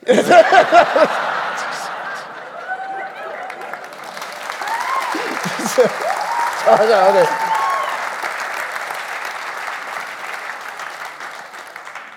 Men i det mindste står vi ved vores afføringsjokes. Ja, 100 p. Vi er stolte af de der viskositet og afføringsjokes. Ja, altså, re- Vi prøver ikke engang at generere et grin. Vi mener det, faktisk. Nej, nej, nej. altså 10 procent af det, vi dækker i podcasten, handler primært om afføring. Øh, folk, der drukner i det, folk, der prutter og øh, gør det til en karriere. Ja, ja. Folk, der bygger økser. Det er også Ja, lige præcis. Men jeg kan heller ikke, når jeg, når jeg sådan hører om det her med, at han, han vil bygge noget ude midt i junglen, ude sådan sump, der er mere flydende, så kan jeg heller ikke være med at tænke på den der scene fra Monty Python's Holy Grail. Den der, when I first came here, this was all swamp. Everyone said I was daft to build a castle in the swamp, but I built it all the same, just to show them it sank into the swamp. So I built a second one that sank into the swamp. So I built a third that burned down, fell over, then sank into the swamp, but the fourth one stayed up. Og det er min yndlingsfilm, så det...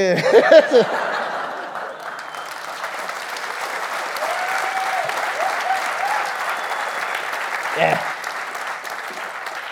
Vildt nok, jeg kan hive grin hjem på en 40 år gammel film. Vi fagner bredt. Ja, ja. Ja, det er også derfor, jeg lige skynder mig at deklarere, at den er fra Monty Python's Holy Grail. Vi skal ikke have sådan Nikolaj Stockholm på os, hvor vi bliver anklaget for at have taget- jokes fra nogle andre. Sådan bits, det skal vi fandme ikke uh, ud i. kommer John Cleese og sagsøger også. ja, en mand, der er notorisk kendt for, at han går med til hvad som helst, fordi han har mistet alle sine penge i en skilsmisse. Ja, altså, Ja, det er Han er dybt motiveret. han har været med i en Elgiganten-reklame. Han skal ikke have nogen til 10 af pengene, det skal han fandme ikke. Du skal huske på, at det går så godt i podcasting, at tis but a scratch. Kom an. Anyway, men det er faktisk lidt på samme måde med, John McAfee's byggeprojekt her, som det er i Monty Python. Øh, for han starter med at få nogen til at komme ud og putte en masse jord i det med en skovl. Øh, Så bliver til mere sump. ja, simpelthen for at prøve at fylde sumpen op, så han kan bygge på det, og det virker ikke. Du skal høre på, hvad, Du skal høre på, hvad Trump siger. Drain the swamp. Ja. Ikke? Altså, Ja, til gengæld koster det kun i omegnen af en million dollars. Nå, så nu har han mistet 25 procent af sin formue på hælde jord på Ja, ja. lindafføring. Super. I stedet for, så opgiver han den umiddelbare vision, han havde for det her sted. Nemlig at bygge en prægtig villa på området. Og i stedet så begynder han at opføre en række sådan små bungalows af den der type, der står på sådan nogle stylter. For at de simpelthen ikke synker ned i, i den her mose. og de her stillehus, de står så klar i, i 2010. Og det er virkelig et fristed for ham, det her. Altså, der er ikke noget internet. Til gengæld så kan han sidde om natten og høre floden klukke, og det er her, han vil trække sig tilbage og nyde sine sidste dage. Fri for problemer, fri for alle sine kreditorer, fri for sin fortid. Slut. Nej. Øh, men der er pause. Så øh, jeg tænker, vi lader ham sidde der og lige hygge sig lidt, og så vender vi tilbage, når pausen er forbi. Vi ses om lidt.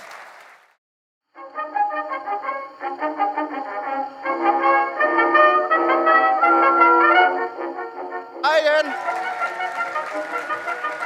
Ja, der var du. Jamen, uh, Cool. jeg fik at vide, at jeg skulle komme ind, når introen kørte, og jeg kunne køre en skid, fordi I blev ved med at klappe. Altså, prøv lige... Hvad vil I have? Altså, Jeg tænkte bare, nu klapper de, så går om. Ja, præcis, så løber vi. Ja, så, må jeg hellere gå ind. Og så er jeg bare helt alene. altså, I var her også, men det... Altså, jeg åbner lige noget mere. Ja, gør det. De har alt her på Bremen, undtagen en oplukker, så det, bliver meget, det er meget specielt. Skål. Skal vi skåle? Skål. Middelmodig Alle sammen. Skål. Nej. And the wave again, og så er der lige en efterbrænder op. Det er skide godt.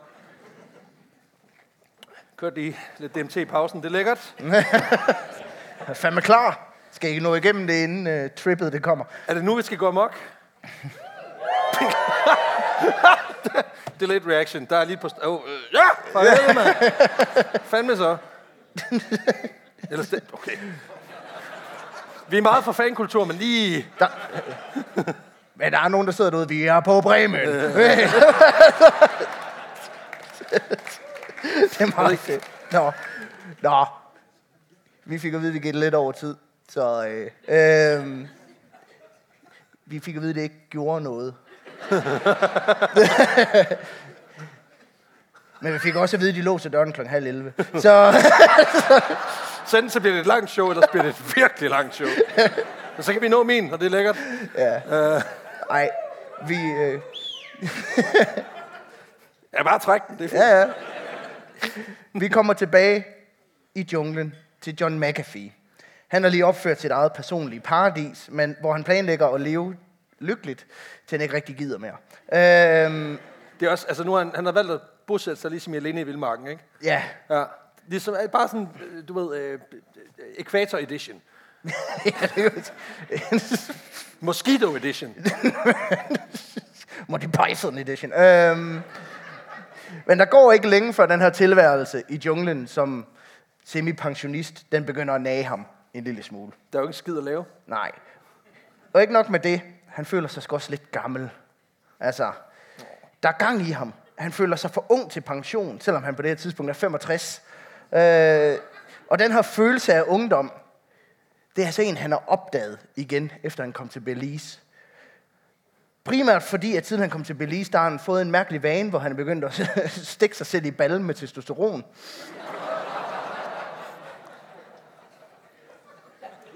Ja, ja, ja, ja det, er en, det er en mærkelig vane. Det er, en rigtigt. mærkelig vane, ja. Jeg skulle lige sådan igennem kataloget. Er det mærkeligt? Er det normalt? Hvor vi, ja, mærkeligt. Ja, ja, Ja. ja. ja.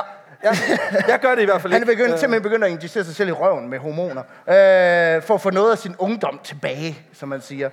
Det var enten det, eller blandt blod med en 19-årig. Og det, det ved han. Ved, han altså, Og, Bogdanov, han og gjorde man skal heller ikke blande blodtyper, det er farligt. Ja. Ja. Altså, så er det meget bedre at stikke sig i ballen selv med et eller andet, man har købt. Øh, den måde, han forklarer, at han har fået den her vane på, det er... Jeg han- sætter mig, og så au. Og det er egentlig meget fedt. Skulle vi ved. Og så er det heldigt, der ikke var hiv i. Så sådan, øh, ej, han forklarer, at testosteron, altså steroider, er det jo også. Øh, det er bare fucking billigt i Belize, om ikke dem, der skaffe. Han siger, prøv at høre, du kan købe det på alle gadehjørner, så det skal jeg lige prøve. Og der, og der Og jeg ved ikke om det faktum, at fordi noget er billigt og tilgængeligt, at det er et godt argument for at være totalt ukritisk. Øh, på den anden side, det samme argument, jeg har brugt i byen mange gange, så...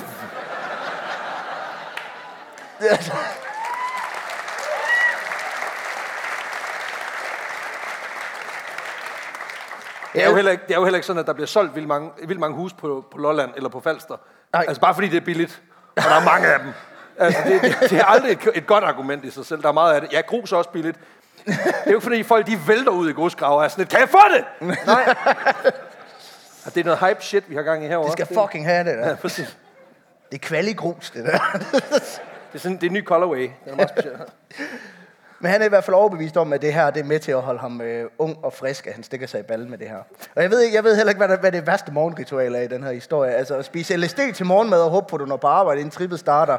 Eller sprøjte sig selv med kønshormoner, du har købt på det sorte, sorte marked i Mellemamerika. Altså det er sådan, Men også en modig mand, ikke? Altså, han har virkelig haft brug for at tage en risiko. Bare gå ned på strået og sådan være sådan lidt, ja, ved du, han, du virker, du virker flink. Mm. Tag mine penge. Det er fint nok. Hvad- Ampuller, super. det er kan billigt. Kun, Jeg kender et godt tilbud, og, det, jeg kan spotte godt til det. og man bliver af shit, man, okay? øhm, Og jeg er ikke at risk. Så det er lækkert. Også fordi, jeg, jeg, altså, jeg, jeg har hørt, at, har jeg hørt, i, øh, at, en, at i technokreds til de her raves, der kalder, man, øh, der kalder man alle former for stoffer for breakfast cereal. Og der synes jeg bare, han tager det meget bogstaveligt. Det kan jeg godt lide. Altså, Men man kan også sige, at han er også typen, der er vant til at have mange jern i ilden. Så han opdager også snart, at det her med at være pensioneret og gå rundt og sprøjte sig selv, det er, det, det, ikke ikke, nok. det er ikke lige øh, nok for ham. øh, derfor så starter han også flere virksomheder, mens han er i Belize. Blandt andet så starter han en forretning, hvor han leger vandtaxaer ud. Øh, og det går faktisk meget godt. Spotter hul i markedet, ikke? Ja, så starter han en fabrik, der producerer cigarer. Det går knap så godt. Men derudover, så får han i 2008 en bidende interesse for et koncept, der hedder quorum sensing. Og det behøver jeg vist ikke forklare. Øh, Nej, bare gå videre. ja, ja. Øh, ej, det er quorum sensing, det er ligesom den måde, hvorpå bakterier de øh, kommunikerer og dermed udbreder sig. Øh, ja. Så altså, der er det- en kommunikationsvirksomhed. Ja, altså qu- qu- quorum sensing, det er sådan det der, når en bakterie til, siger til en anden, øh, prøv lige at gå derover. Prøv lige at inficere det ben. Okay, så går jeg derover. Øh, Der er sådan nogle influencerbakterier, der ligesom de har... De, Ja. kan, de kan lige... De kan sway en retning. Ja, ja. Uh, the Alexander Husum of bacteria. Og sjovt nok, så er han the bacteria of YouTube. Så det er meget nice. Det hele hænger sammen. ja, Der var 12, der forstod, hvem fanden han var. Men den her interesse, den opstår, fordi han en dag under en brunch... Øh, Altså, er det så, når han skyder begge baller med testosteron? jeg ved, Fordi ikke, han har jeg, jo han har jo ligesom breakfast shot, og så har han Jeg ved ikke, lunch shot. Så, jeg ved ikke, om det er sådan noget med, at okay, så, tager han, så skyder han sig selv i ballen, og så får han lige et blødkogt æg. Altså, jeg ved ikke, hvad det er. en full English. Men det er i hvert fald under den her brunch, det er ude på en restaurant, han, der møder han en mikrobiolog, der fortæller, at hun pt. er i gang med at forske i at udnytte planterne i den belisiske jungle til at udvikle en ny form for antibiotika, der netop kan forhindre det her quorum øh, kommunikation. Sensing. Ja, simpelthen stop bakterierne i at tale sammen, og stop, altså, stop spredningen. Det er jo skidesmart, hvis det virker. Øhm, Det er også, altså, så han falder i snak med en over en brunch. ja, Altså, nu bor vi på Scandic, og jeg, jeg er ikke sikker på, at min fremtid den ligger nede i buffeten om morgenen. Men jeg kan mærke, at jeg skal prøve det i morgen. Hvad laver I, gutter? Nå, spændende, jeg lige sprøjter mig selv i ballen. I, I prøver at få bakterier til at snakke lidt mindre sammen, som sådan en omvendt terapeut. Okay, mm. cool. Kan jeg købe ind på det? ja, fordi han ser faktisk en fremtid i det her. Og derfor så hyrer han hende her videnskabsdamen og opfører et laboratorie på sin grund, hvor hun skal stå for for det første at samle et hold, men også at forske i det her quorum sensing. Og det projekt, det får navnet Quorum X. Ja. Det er fordi, han vil have det max. Han vil ikke bare have det okay. McAfee, han vælger at holde det her projekt tophemmeligt. Ja. I Fordi det vælter jo med rapporter i den belisiske jungle. Ja. Nå, men fordi på det her tidspunkt er han blevet over, overbevist om, at han bliver udspioneret. øhm, og det kommer vi måske lidt ind på, det gjorde han måske også. Nå, men, okay. øh, det er jo det værste, du kan gøre ved en konspirationsteoretiker, det er, at du kan give dem ret. Altså, det, det, er, jo- det er noget rigtig lort. Det Der er sætter tingene meget langt sker tilbage. i hvert fald en masse ting, der godt kan bekræfte ham lidt i det, Nå, kan man sandt. sige. ikke? Øh, men det, han er bange for, det er, at nogle af konkurrenterne fra medicinalindustrien, de skulle forsøge at spionere og så stjæle deres forskning. Så han fortæller overhovedet ikke nogen om det, heller ikke den belisiske regering. Øh, Når de er jo i ledtog. Ja, ja. Ja. Ja, lige præcis. Øh, og der kan jeg også bare meget godt lide, at altså, han ikke overvejer det der med lige at installere en virus i det, sådan, så hvis de piratkopierer det, at så... Øh, Så får de lige et nummer, de kan ringe på. Ja. Men øh, på trods af, at han engagerer sig sådan i det her, så går der ikke længe, før han mister interessen for det her Quorum X-projekt. Han slår mig ellers som en type, der er meget engageret og meget sådan fokuseret Ja, i sine projekter. i sådan fire sekunder. Ja, ja. Altså, det lyder som om, han har taget meth på en Ja, eller anden måde. Måske. Øh, Kaldte den. men grunden til, at han mister interessen, det er egentlig, fordi han får sig en ny hobby. Fordi efterhånden, som han bor længere og længere tid i Belize, så begynder han også at mænge sig mere og mere med de lokale i den nærliggende landsby Orange Walk, der ligger sådan 7 km fra hans hjem. Og det, øh, den her by, det er sådan en, hvordan kan man beskrive det, det er Belize's version af Tilst. Øh, for McAfee selv, han beskriver det som the asshole of the world. Altså Tåsinge.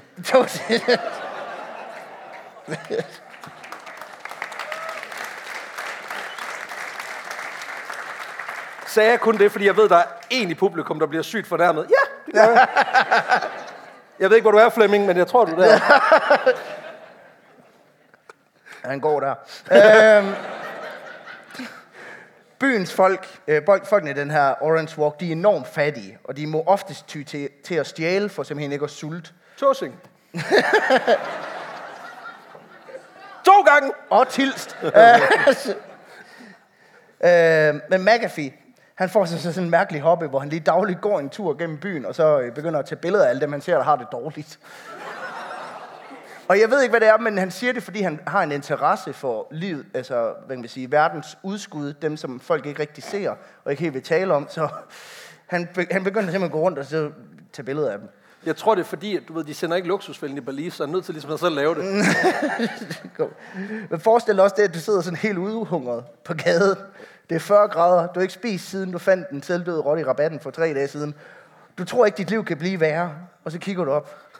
Og så kommer det hvide fuckhoved gående forbi igen. Ham der, der går lidt sjovt, fordi han lige har stukket sig i ballen med et eller andet, ikke? Altså, Den hvide humper, og ikke på den måde humper.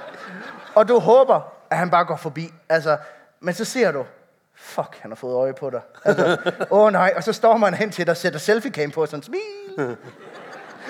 Og det er slemt nok, men så for at gøre det endnu værre, den så viser sig billedet, så, så kan du se, at han har sat det her filter på, hvor du ligner en gammel mand, bare lige for at understrege, her så gammel når du aldrig at blive.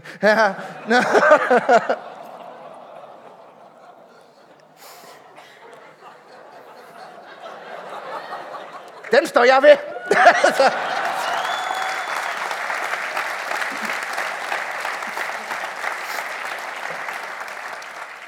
Og jeg har det også lidt sådan, hvis den selfie, den var på forsiden af folderen for Folkekirkens nødhjem, så tror jeg, at Belize vil få væsentligt mere i udlandsstøtte. Øh, så, var sådan, fuck, de skal sætte med have noget hjælp, mand. Altså, I den her by, Så var det den måde, du kigger på mig på. Kom nu, det er sjovt. Altså, kom. Ja, det er da okay. I Ja, den- folk dør. Woo. Ja, ja, det bliver, så skal du bare høre, hvad der ellers foregår i Orange Walk. Kom Fordi med at det. øh, Så- i den her by, der begynder McAfee så også at blive fast inventar på en bar, der hedder Lovers Bar. Ja, tak. Stamkunden. Har du taget flyveren? Ja, fedt, super. Åh, ja. Så er du fandme en type.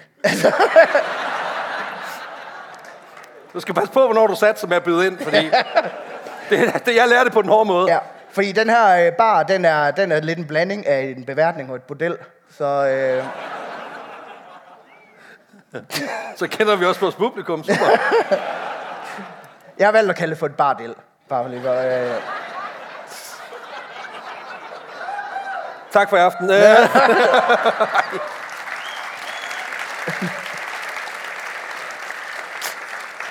Hold kæft. ja. Lovers Bar, den er ejet af en fyr, der hedder Evaristo Novello. Okay, det var bare pisse sjovt. Men han er i sagens natur sådan lidt pimp møder krofatter. Øh, altså, han er typen, der både går med forklæder og fjerhat. Øh, hvis man for- forstår. Altså, Han pimprukker med servering.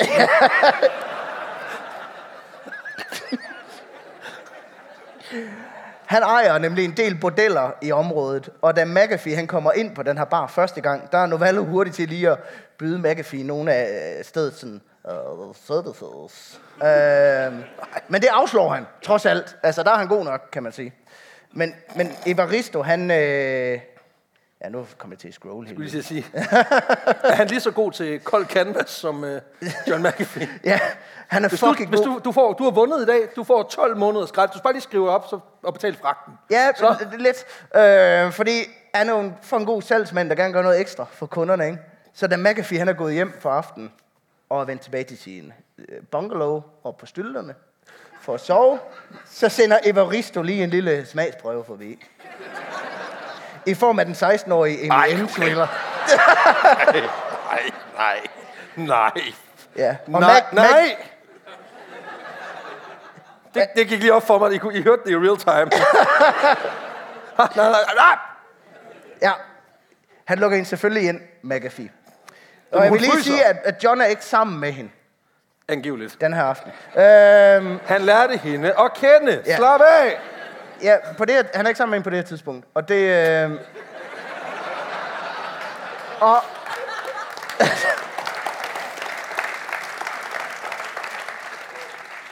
Det skar, den skarpe lytter ville nok have regnet ud. Der var lige noget i formuleringen der. Han venter til, hun er 17. Slap af. Han er jo ikke klam. Det er jo ikke Ebbe Kofod. Altså, Han er bare narkoelskende far, havde en uh, wound-up junkie-agtig type, mm. der bor i en jungle. Mm. og alligevel har han bedre moral end Jeppe Kofod. Det synes jeg er meget fedt. Altså,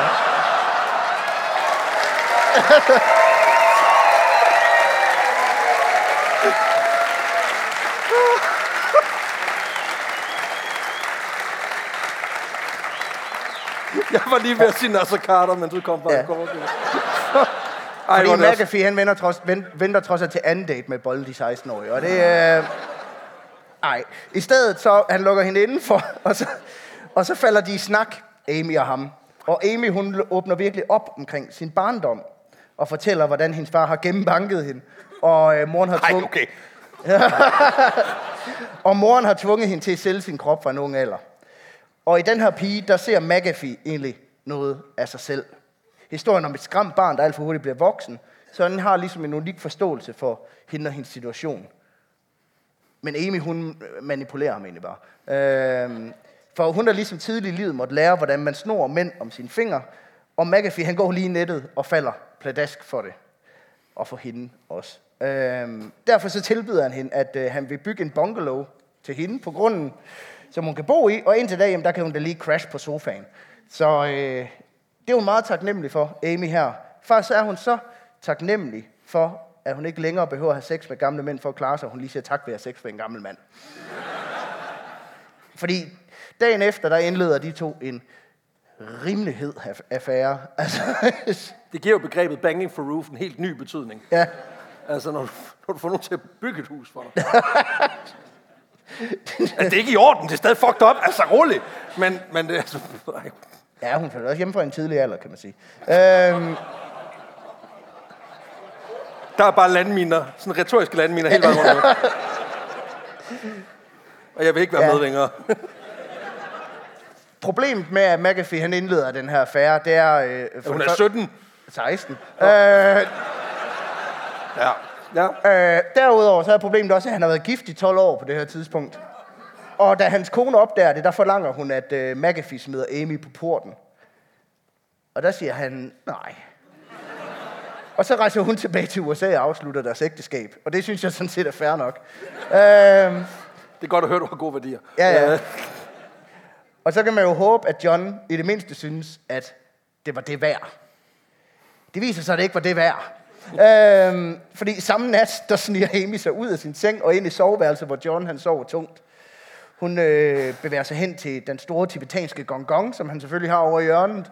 Øhm, Det er lidt sent, du byder ind med den, men ja, ja, den kunne jeg godt lige have brugt lidt tidligere. ja, for på den her gong gong, der hænger der et bælte med McAfee's lette Smith Wesson revolver. Hun hiver forsigtigt pistolen ud af hyldstedet, lister sig på tæerne hen til foden af sengen og peger enden af løbet direkte mod McAfee's pande. Og planen er, at hun vil myrde John og stikke af med alle hans penge. Men hun tøver. Hun kan, hun kan simpelthen ikke få sig selv til at trykke på aftrækkeren. Så det sidste så ender hun med at lukke øjnene og bare trykke til. Og så vågner McAfee med lidt af et sæt. Øh, fordi kuglen den er gået en millimeter forbi hans ansigt. Og har boret sig gennem puden direkte mellem hans, hans øh, ører og hans skulder. Og nu er der sådan dun i hele lokalet, så ligner jul. Og det... Og han springer op, tager fat i pistolen, inden hun når at affyre endnu et skud. Og det lykkes ham at få den vristet fra hende, mens de vælter ned på gulvet. Øh, primært fordi hun laver det forbudte trick og sparker ham i nødderne. Øh, Jeg ved ikke, om det er det forbudte trick, jo, egentlig. det er fandme forbudt. Og, også uanset hvor klam man er. Ah, Hun prøver at skyde med en pistol, så er det fandme forbudt. han har bollet hende, hun er 16. Og så kan vi jo lege bilkort hele aftenen, men altså okay. Ja, okay. ja, okay.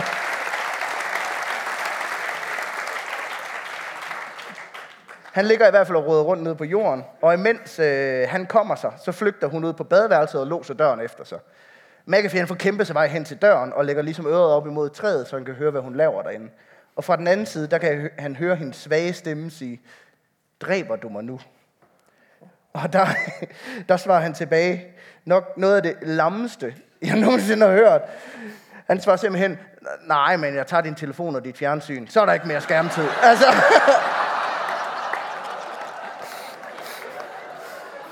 Så faragtigt. Altså, det, det, synes jeg, det, det synes jeg er fuldstændig vildt. At så, sådan, ah, så er det time out, unge dame. Altså, altså så er det digital stuerrest.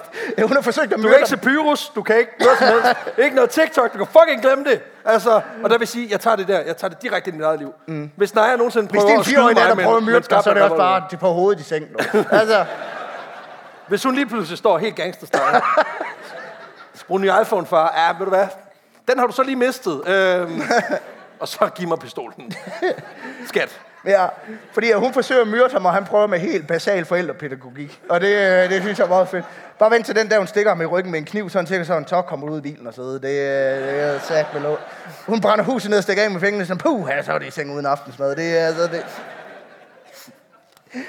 Det fede, det fede er, at da, da han så siger til hende, at han vil tage hendes telefon og tv, der råber hun ud gennem døren, ej, slap af, jeg slår dig jo ikke engang ihjel.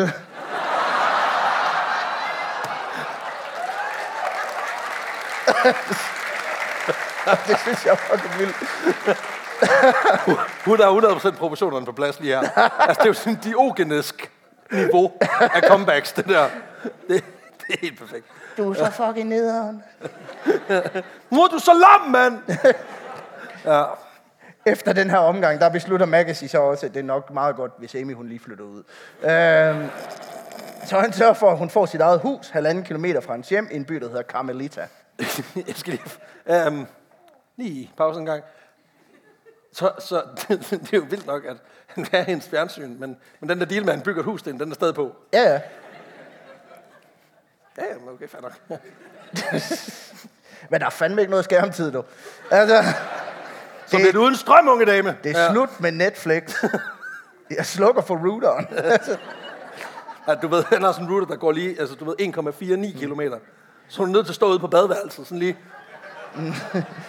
Min far, han lavede tre... altid, Ah, min far, han lavede altid den der med, altså, altså med stuerrest, så er det sådan noget med, jamen så kan du sidde inde på dit værelse hele dagen i morgen, hvor det er bare sådan, uh, det gør jeg jo alligevel.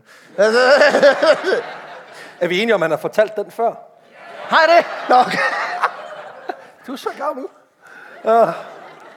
Nå, jeg kommer fra et sted, der hedder Aulum, jo. Og det er... Har du ikke også engang været i Asien? Jo! Skal I lige have det? Nej, lad os komme tilbage til Carmelita. Øh, fordi det minder meget om, om nogle steder, jeg faktisk har været i Vietnam. Øh, som i, at det er meget varmt og meget fattigt. Fordi den her by, Carmelita, den får Orange Walk til at ligne Hellerup. Altså, så fattigt er der. Øh, det er Belize's version af Randers. Øh, Hov, hov, hov, hov, hov. Fair nok. Over 10 procent af indbyggerne, de står uden et- elektricitet og rindende vand. Så Ja, det det, er, det er meget virkelig, virkelig, virkelig fattigt. Det, det, Ja, den er ikke helt galt, nej, nej, der er lige nogle, sådan noget socialt boligbyggeri, hvor de ikke rigtig har fået det lagt ind endnu. Men så kom 2022. Det er godt år. De har også lige fået farve-tv, og det er mega fedt. Øh, Der er det fordi, de har forsøgt at skyde nogen noget, så de har fået flere taget. Sådan det. Men øh, faktisk så Carmelita her, det er den by, som Amy hun er vokset op i. Og hun fortæller John, at byen altså ikke er helt så uskyldig, som den tager sig ud. For udover den er et hul i jorden, så er den altså også ifølge hende en af landets største drugcentraler. Endnu en ting, der har til fælles med Randers. Øh, fordi Mexico ligger kun 50 km derfra, og derfor så er Carmelita et oplagt sted, og ligesom bruge som distributionscenter for de her stoffer. Sådan en GLS-station lige. Ja. ja. Ja, så PostNord i Randers. Øhm, og den, øh, den paranoide John McAfee, han tager sgu ikke særlig godt imod at få at vide, at byen i hans baghave den er oversvømmet med stoffer. De huer ham sgu ikke lige, at området, det, som han har forelsket sig i, det er mest alt minder om øh, baglokale til Reality Awards. Og det... Hvordan kan folk blive op og køre over det? Åh, oh, det var for meget. Hvad? folk er i chok. Jeg har lige sagt, er lige, han tager stoffer. Han skulle da med i baglokalet. Altså. Nå, men han spørger ligesom Amy så, okay, shit, hvis det foregår alt det her, som du siger, hvad kan jeg så gøre ved det? Og der svarer hun så tilbage, at du kan starte med at skyde alle mændene i byen. Og der er han det sådan, wow, søster. Altså, det er sgu alligevel slap lige af. Så mange fjernsyn har jeg ikke at I stedet, så bestemmer han sig for lige at gå ud og lave en voxpop. Han går lige ud og spørger, hvad, er der noget om snakken? Går ud og snakker med indbyggerne, og de historier, som han hører fra borgerne i, i Carmelita, de er, de er grusomme. Øh, meget værre, end han troede faktisk. Det er tortur, det er vold, det er bandekrig, og det giver McAfee et billede af, at Carmelita er den mest korrupte by i Randers. Freudian slip. Ja. Hvor, hvor, hvorfor, hvorfor siger jeg det? Hvorfor, der står engang Randers i mit manus. Det er det, jeg siger. Det er bare associationen, der lige blev, den blev for stærk. Det er for Ja, Belize. han mener i hvert fald, det er den mest korrupte by i verden, dog. Simpelthen. Og der kan man så sige, der er Randers også med på listen, men altså, det er... Ja, det er mere sådan en bobler. Den er på vej op. Det gris, der foregår i Carmelita, det vil John McAfee fandme ikke have sit Tivoli. Der er nogle få, der siger Dalgårds Tivoli, det er fedt. Øhm, og slanger og skiværk, han vil ikke have det. Øh, så nu skal der ryddes ud. Hvis ingen andre vil, så må han jo gøre det selv. Og så starter han simpelthen sin egen personlige war on drugs. Han starter selvfølgelig i det små, som man gør med alle projekter, for byen den har ikke nogen politistation. Og Der køber han så lige et lille cementhus og får installeret sådan nogle jernstænger, der går fra gulv til loft, som sådan et rigtigt western fængsel. Og så ringer han til politistationen, der er ansvarlig for området, og siger, yes, hej, øh, jeg har bygget et fængsel, nu kan I bare begynde at arrestere folk. Det er også en offensiv måde ligesom at sige, jeres, jer, I gør jeres arbejde heldigvis. Og ham i den anden, han er også lidt sådan, øh, det kan vi sgu ikke lige. Og McAfee er sådan, okay, hvad da? Jamen, vi, er, vi, har, vi har ikke noget udstyr. Vi er fire, de er 70. De har automatvåben. Og der er McAfee sådan, ved du hvad, det skal du ikke tænke på, det fikser jeg. Klik. Og så parallelt importerer han et våbenlager.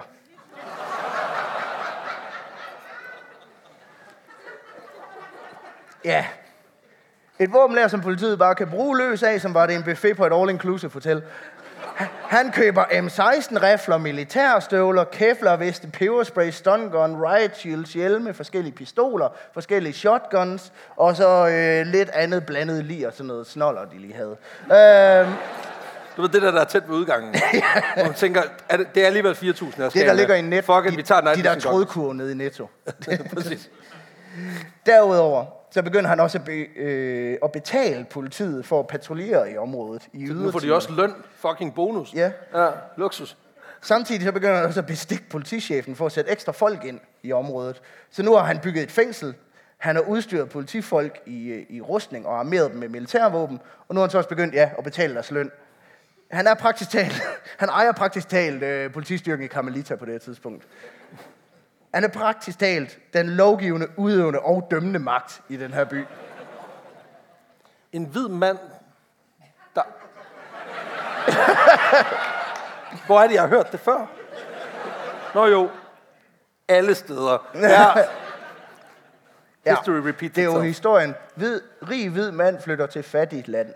Og så kører det ligesom derfra. Tager narko, fuck some shit up. Hvad vil I? Altså, jamen, det er dejligt, det er rart at vide, at... Ja, ja. Det er det faktisk Det ikke. Foregår lidt stadigvæk nu om dagen. Det er meget fedt at vide, at some things never change. Ja. Men når det nu er ham, der betaler hele gildet for politiet, så begynder han også at udstede ordre til dem. Se, nu kommer det, ikke? Sådan noget, tjek lige op på ham derovre, eller undersøg lige, hvad de laver derinde.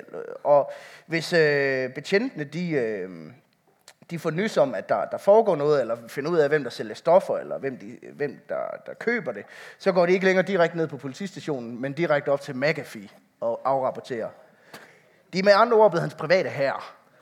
Øhm, og de kører ligesom efter den lov, som han me- mener bør gælde i området. Lidt ligesom at være borgmester i Randers. Og det, Nu synes jeg, at den Randers-reference begynder at blive lidt tynd. jeg har også kun fire... Nej. Jeg tror, det var den sidste. Det var den sidste. Lad os nu se, om du ikke lige falder i en gang mere. Og han strammer grebet. John McAfee her. For inden længe, så får politiet ordre på, at de skal stoppe alle biler, der kører ind og ud af byen, så de kan gennemsøge køretøjerne i jagten på drugs. Blandt andet så bliver bussen ind og ud af byen stoppet hver gang, at den kører ind i byen. og hver gang så finder de ikke enten alle det der udtørrede tyggegummi, der sidder under sæderne. Altså, faktisk så, så bliver bussen stoppet så mange gange, at øh, busselskabet vist nok ender med at flytte busstopstedet uden for byen. Men det fucker med deres øh, køreplaner, ikke? Ja, ja. Og der er, han er bare sådan, jeg kender en på speed, der kan vækste det. Altså. Og han anerkender en god køreplan, når han Ja, ser ja. den, ikke? Indbyggerne i Carmelita, de lever altså efterhånden i noget, der minder om et Politistat. Ja. Øh, lidt ligesom nogen i en større dansk provinsby. Og Nej, nej. Jeg har ikke boet der i 10 år, det virker åndssvagt. Det er ved med at forsvare det lortehul, altså det er helt mærkeligt. Ja, det er fordi, jeg ved, jeg ved, de kommer efter mig. ja, ja. Jeg har jo kun så mange fingerled tilbage, så det... Men borgerne i den her by, de ved heller ikke helt, hvorfor de lever i den her politistat. Der er også bare, fordi han bare vidderligt er kommet ind, sparket døren op og været sådan lidt, skulle I have nogle guns? Ja, ja. I mangler en til at bestemme over jer, det kan jeg jo se på jer. Ja. Øh, og jeg er hvid, så det er jeg god til. Øh, jeg er nærmest født til det. Det er jo ikke mig, der siger det. Hallo? Det er en fiktiv mand inde i bogen. Prøv lige at slå af. Og historien. som jeg har skrevet. Ja. Ja. En anden hvid mand. Ja. Men ifølge dem, der bor i byen, så er Carmelita altså ikke nogen drugcentral.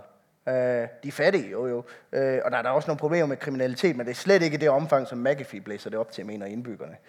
Noget tyder på, at McAfee ender blæst de her historier helt ud af, af proportioner. Siger du, han er paranoid?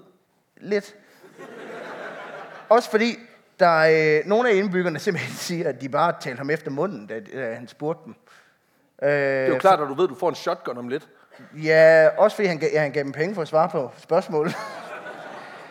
Så det har jo været sådan lidt, om jeg kender til hård kriminalitet, vi har ikke andet herude. Altså, bageren, bandemedlem, præsten, pusher. Ja, den hund, der aftjent to domme for hæleri, dog. Altså, det... Og langt de fleste byen, de vidste faktisk ikke engang helt, hvem John McAfee var, før han dukkede op og bare begyndte at fortælle dem, hvad de skulle gøre. Så det de gjorde de. som Men de gør, som han siger. Fordi han har jo en privat herre. Nej, det er selvfølgelig... Ja, okay. Ja.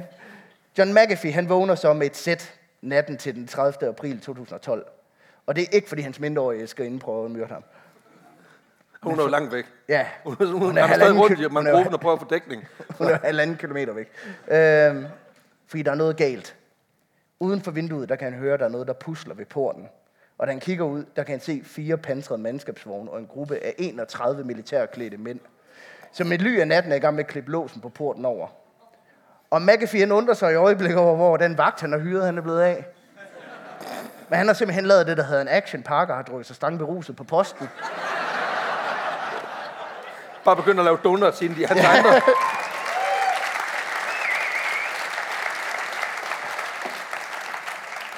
Det er det ældste. Altså det, det ældste callback.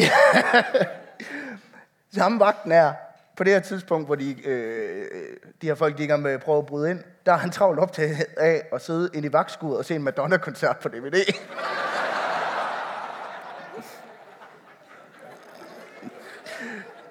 Priority. Og de her kampklædte mænd, de stormer altså gennem porten og ind på de her 2,5 hektar land. Lygterne på deres Taurus maskingevær, de øh, skærer gennem nattens mørke. Det er politiet, råber de. Og mændene, de kommer fra Belize's bandebekæmpelsesenhed. Der er sådan en specialstyrke, der har trænet FBI til at slå til mod organiseret kriminalitet. Og de er her, fordi de har fået nys om det her laboratorium for det her Quorum X-projekt, hvor, han laver medi- øh, hvor McAf- McAfee han laver naturmedicin. Øh, men politiet er helt sikre på, at han bruger det til at producere methamfetamin.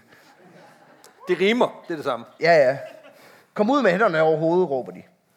Da politifolkene de begynder at råbe, så beslutter vagten sig alligevel for, at nok heller lige må tjekke, hvad der foregår. øh, Så han sætter lige Madonna på pause. Nå for helvede. Ja. jeg tænker også, at jeg om ikke andet bare været for at lige få dem til at dæmpe sig lidt, fordi han kan næsten ikke høre noget. Altså, prøv at høre Like a Virgin, kommer lige om lidt, det er min yndlings. Altså. Man ved, at har startet med bare at skrue op som demonstrativt. Når den, ikke, når den, når den er oppe på 50, og den bliver ikke højere, og de kommer bare tættere og tættere på en sådan lidt. Fuck. Okay, super. Vi sætter den lige på pause. Det er fint. Da han træder ud af døren på vagtskuret, der øh, kigger vagten her direkte ind i løbet på en af de semiautomatiske våben, som de her soldater de er med. Og betjenten, han genkender ham med det samme. For i vagtens navn, det er Austin Allen. Han er tidligere kriminel med 28 domme på CV'et for alt imellem røv, røveri og morforsøg. Så Homie. inde i sin hytte, der finder John McAfee så sin revolver frem. Og så hopper han ud af vinduet og ned på jorden. Øh, Nøgen. Og sidder, og sidder fast. Ja, så han kører dobbeltpistol, hvis man kan sige på den måde. Øh, der vil jeg også lige minde om, at de her hytter, ja, de er jo bygget på stylter, Så han falder ned. så han falder fire meter.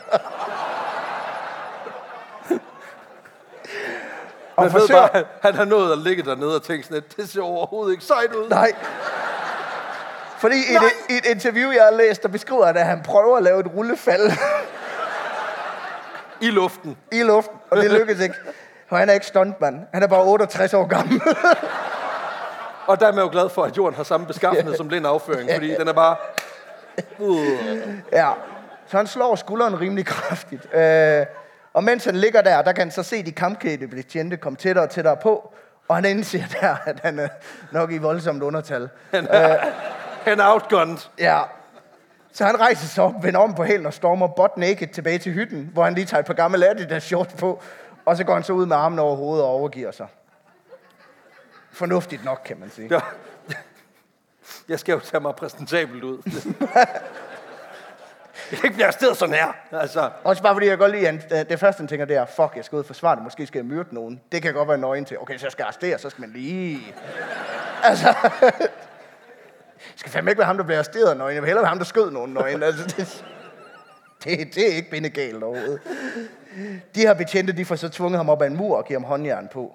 Og så siger de til ham, du er arresteret for mistanke om produktion af methamfetamin. Og der svarer han bare køligt tilbage, det er en interessant hypotese. øh, men jeg er ked af at skuffe dig, fordi jeg har altså ikke solgt stoffer siden 1983. det havde de ikke lige forventet. Det er også fordi, han indrømmer lidt, men, men igen, der er lige noget restance på den, så det, det er fint nok. Inden længe, der er alle McAfee's folk placeret med ryggen op ad ydermuren og med hænderne i håndjern. Og blandt de tilbageholdte, der er selvfølgelig alle hans vagter og andet personale, også dem, der arbejder inde i, inde i det her laboratorie. Men derudover så er der også fem kvinder mellem 17 og 20, som også lige bor på det her område sammen med ham. Hvad laver de? Jeg aner ikke. Jeg har et bud. Jeg vil ikke sige det højt. Ja, præcis. Jeg synes, jeg læste noget med, med er smagsprøver, men jeg ved ikke. Øhm, men, men politiet de går så i gang med at gennemrode alle bygningerne på de her 2,5 hektar sumpområde. Og de finder jack shit derinde. Det eneste, de finder, det er John McAfee, en af John McAfees hunde, som gør af dem, da de går ind i et af de yderliggende bygninger. Og der svarer politiet lige igen ved at skyde den. Der er nul tolerance her. Ja, og jeg må indrømme, da jeg sad og skrev den her historie og researchede på den, der er det første, der fik man sådan til at sige, ej, det var, det var at de skød hunden. Altså, problemet er, at nu er der to veje, vi kan gå. Det kan blive en røvkedelig historie, eller det kan være starten på John Wick. Ja, Øhm, Vi er mere over i John Og nu Wick. vil jeg jo ikke presse dig. Men det bliver rigtig lorteaften, hvis, øh, hvis ikke vi får... Altså, vi er mere over i John Wick. ja, tak. Super. Øh, Jamen, øh, Også fordi, han råber, det første McAfee, han råber, da hun blev skudt, det er, what the fuck, guys, that's my dog. Og, men det ignorerer politiet selvfølgelig, mens de fortsætter jagten på det her savnomsbundne meth. Men de finder ikke noget meth derinde. Til gengæld så finder de tonsvis af shotguns, pistoler, flere hundrede kilo ammunition og flere hundrede flasker med kemikalier, som de ikke lige ved, hvad er. Og efter mange timer op ad muren i den bane sol, der vælger politiet så at tage McAfee med på stationen for besiddelse af ulovlige våben. I modsætning til alle de lovlige våben, han havde. Øhm, og der tilbringer han så natten i Queen Street Jail, der er et øh, berygtet fængsel med et charmerende tilnavn, The Piss House. de kunne godt lige putte dig med hans eget fængsel. en form for straf. Kan du sidde herinde? Rust trammer. Jeg er inde i det i Wild West fængslet, der ligner noget fra Legoland. han bliver dog løsladt dagen efter, og anklagerne mod ham bliver droppet. Til gengæld så har hele hændelsen ligesom bekræftet ham i, De holder fucking øje med mig. der er nogen, der fucking holder øje med mig, øh, og den her kamp mod stofferne har gjort ham til et mål. Ifølge ham, der har den kriminelle underverden også forbindelse helt op i Belize's regering, og det er ligesom dem, der så har arrangeret, at han blev raided på den her måde. Han blev swattet, hvis man kan sige på den måde. Men det hele det skyldes altså det her laboratorium for Quorum X, hvor han jo heller ikke rigtig har fortalt Ja, det- det er nogen, hvad det er, han laver. At det ser heller ikke godt ud, Nej. at der rent faktisk var et laboratorium. Nej, det, det det, tager så dumt ud. Man kan også sige, at hvis du har et hemmeligt laboratorium, kriminelle vagter og skydevåben i hovedtal, så skal man være glad for, at mistanken faldt på, at man lavede meth og ikke var med det med spekter og opdrættede liderlige delfiner. Altså...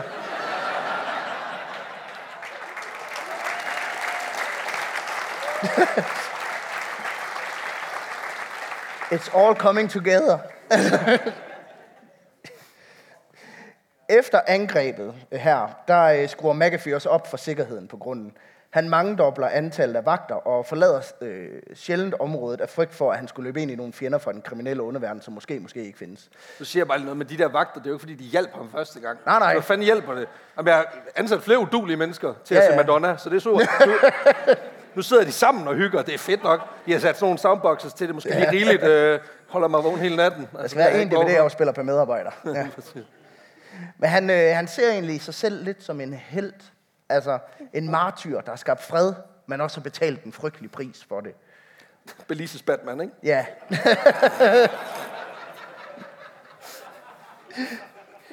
Han har sådan en signal, der skyder op på hende, hvor der bare står, we are at risk.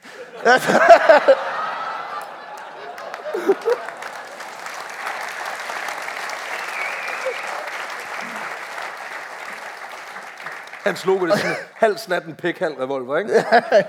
He's coming. Ja. Ej, ikke på det. Okay, igen nu. Altså, kan kraftet ikke sige noget, der kan associeres med. Ja, you get it. Op gennem 2012, der får McAfee så også flere klager over, at hans 11 hunde, de larmer for meget. Øh, og jeg synes, der er noget meget betryggende i at vide, at problemerne i den fattige del af Belize er præcis det samme, som jeg til daglig får opslag om i den Facebook-gruppe, jeg er med i for Rigskovborgere. Altså, særligt så har McAfees nærmeste nabo, en fyr ved navn Greg Fall, han har brokket sig noget kraftigt over de her hunde. Blandt andet så har han også truet med at skyde dem, øh, fordi de simpelthen larmer alt, alt, alt, alt for meget i forhold til, til Greg Fall. Øh, og det minder faktisk også meget om de her kommentarer inde i gruppen egentlig. Øh, Det er sgu et ondt sted men øh, den 10. november 2012, der vågner McAfee så om morgenen angiveligt og finder sin øh, 11 elskede hunde gennembanket og på randen af liv og død. Ja, der er virkelig mange hunde, der dør i den her. Øh, det er også lige så meget gennembanket. ja. Altså, ja, jeg ved sgu ikke, om de har uppercuttet med det her. Sucker punchet 11 hunde. det er også bare, altså jeg ved godt, det lyder, det, det er jo sådan nogle, det er formentlig sådan nogle aggressive pitbull-agtige ting. Ja, ja, jeg tror, det er sådan nogle rimelige, Jeg forestillede mig, at det var sådan nogle chihuahua, eller sådan nogle som, som Jacob Tranes hunde, ikke? Man bare skrid poodle. Nej, jeg tror, jeg har en idé om, at det måske også bliver brugt lidt som vagtsystem, de der hunde, ikke? Men øh, de er simpelthen så gennembanket, de her hunde, at McAfee ikke har andet valg end at aflive dem med sin revolver.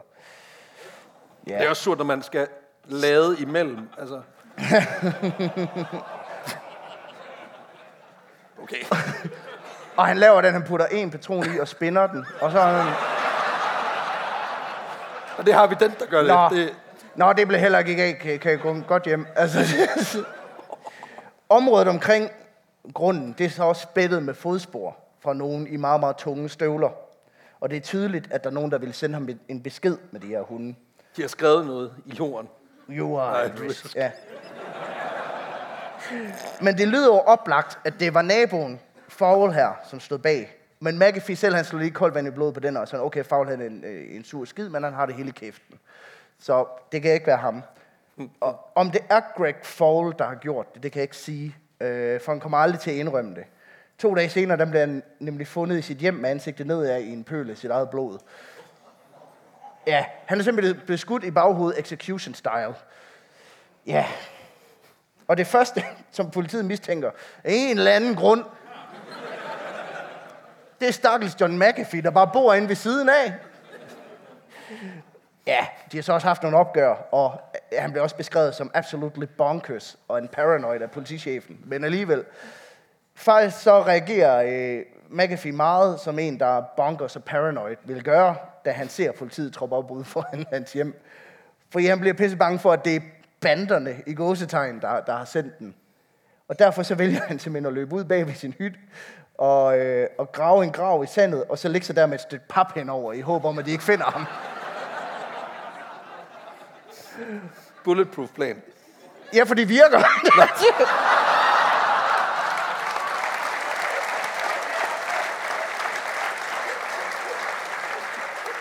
Den her gemmeleje... Jeg sagde det jo til dig, man skal ikke være cocky for tidligt, for lige pludselig... Fuck! Ja, Okay. fordi den, det lykkedes ham at vinde den her gemmeleje. Så er de bare sådan lidt, Nå, men han er her ikke. Nej, Så må det være lige jeg er meget. sikker på, at de har prøvet alle sammen komme frit frem, og alle mand i dåsen. og, altså, de har prøvet det hele, og der var ikke noget, der virkede. Der er noget pap, der, du bevæger sig mærkeligt, når du siger alle ud af dåsen. Så øh, de end, politiet ender bare med at konfiskere hans våben, og så går de igen. Og McAfee, han øh, påstår selv, at øh, han første gang, han hører om det her mor, det er, da han ligesom kommer ud af graven, øh, og får det at vide af, af nogle af dem, der arbejder for ham, at Greg Fowl, han er blevet myrdet. Og da han hører om det, der har han ifølge ham selv overbevist om, at det er det her antibandepoliti, der står bag det hele. Og at de i virkeligheden ville have myrdet ham, men har taget fejl af husene i nattens mørke. Ja, De havde jo heller ikke hundenes lyd at gå efter længere, kan man sige. Så derfor er han jo selv skyld i det. Bare lad være med at banke alle de hunde, ja. så. Derfor så gør han også som alle andre uskyldige mennesker og tager benene på nakken. Du skal altid flygte, hvis der er nogen efter dig. Det, Ja. det virker altid. Samme aften der forlader John McAfee sin grund og rejser over grænsen til nabolandet Guatemala, samtidig med at politiet offentliggør, at han er deres primære mistænkte for det her mor. Og ifølge ham selv, så flygter han egentlig, fordi han øh, nu ved og har fået bekræftet, at der er nogen, der er efter ham, og som er ham til livs. Ja, politiet. Ja. I en måneds tid leder, politiet så efter ham, uden held, nok fordi han ligger et eller andet sted med en papkasse. hovedet. øh, Det er fordi, det belisiske politi har stadig ikke fundet ud af, at man kan løfte papkasser. nej, han er bogstaveligt talt Fuck, er jeg lidt efter siden 2014. Kom her, kammerat. Han er bogstaveligt, bogstaveligt talt gået under jorden, ikke? Øhm, Nej, nej, nej. Nej, nej. Nej, nej. Jesus!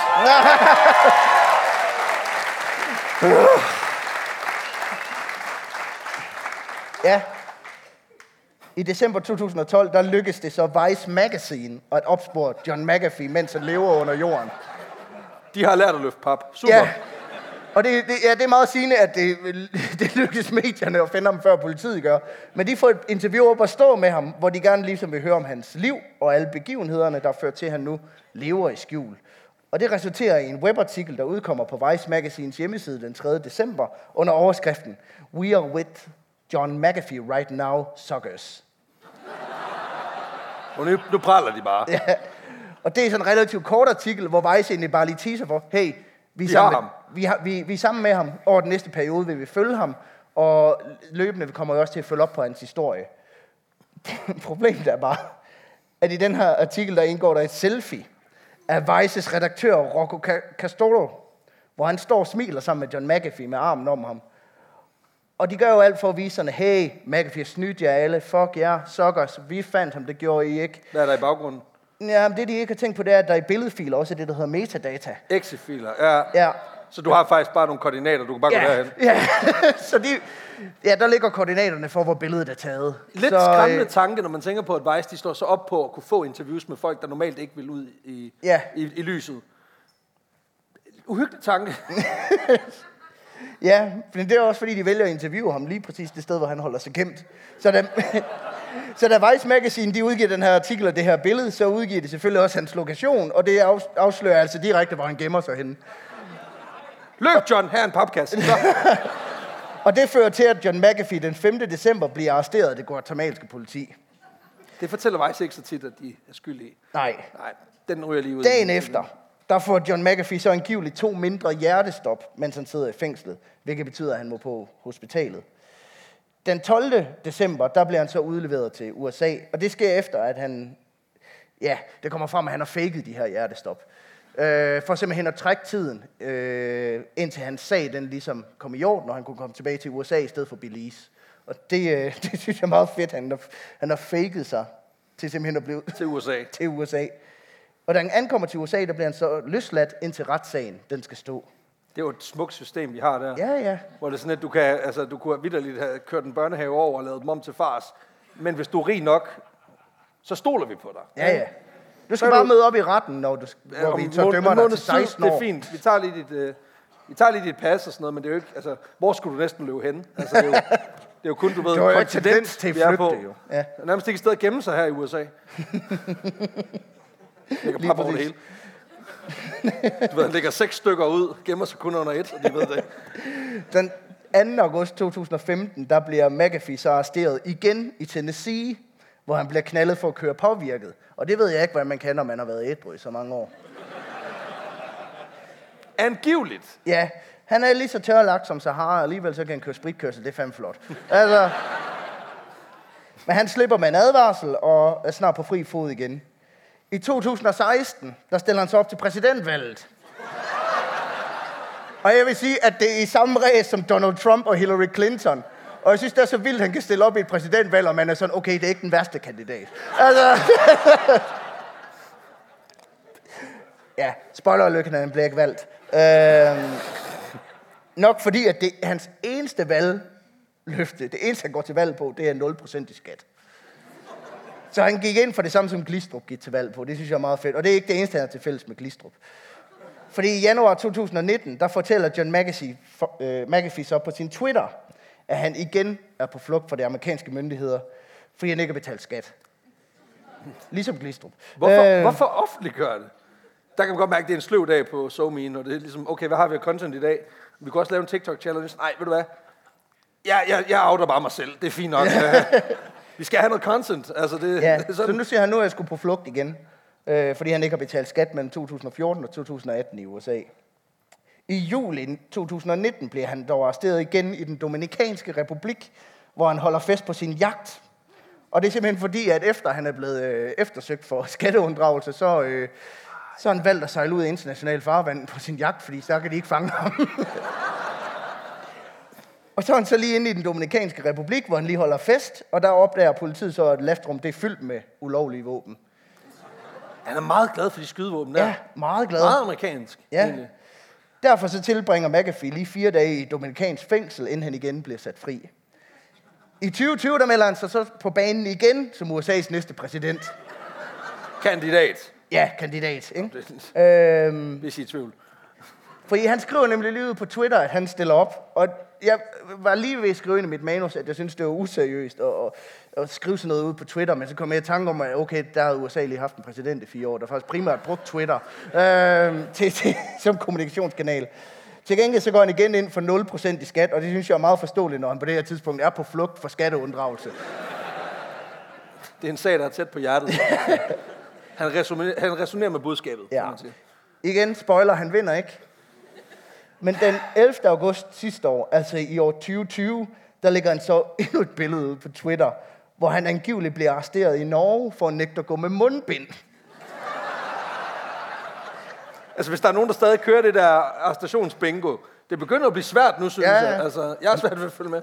Problemet er bare, at på det billede, han lægger ud, hvor man kan se, at han bliver arresteret, der har betjent en stor tekst på maven, hvor der står polizei. Og nu er, jeg, jeg er ikke så god til tysk, Det er sjovt, det er jeg heller men jeg ved, hvad der er tysk og hvad der er norsk. Tror du ikke lidt ligesom, at man har sådan noget Instagram, øh, du ved, sådan noget, tab, sådan noget takeover, at de så også selv bytter uniformer en gang, men bare lige for hyggens skyld, ikke? Bare lige for, jamen, også for at forvirre fjenden. Ja, men det viser sig sgu jo ikke lige i Norge. Uh, han har taget fejl, simpelthen. Han, og jeg tror, det er fordi amerikanere, de har det lidt på samme måde med Europa, som jøder, de har det med Sjælland, ikke? Det er sgu det samme, det hele. Altså.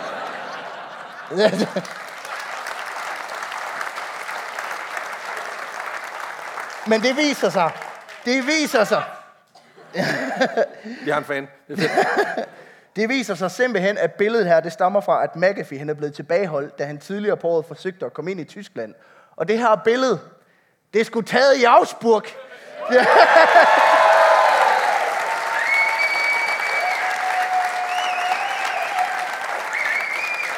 Og dermed skriver han sig jo ind i en, i en smuk historie.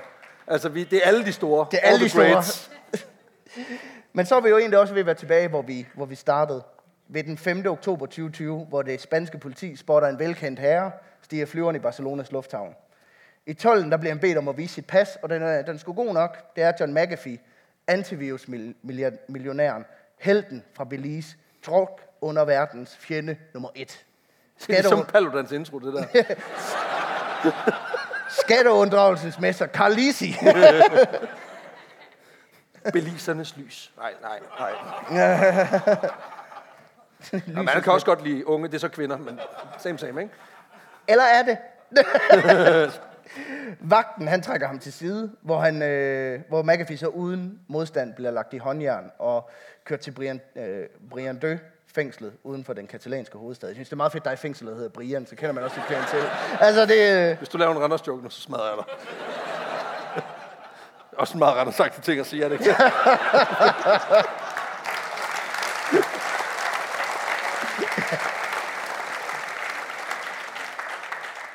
Men der sidder han så, John McAfee, da den spanske dom, domstol den 23. juni 2021 fastslår, at han skal udleveres til USA, så han kan retsforfølges for sine skatteunddragelser.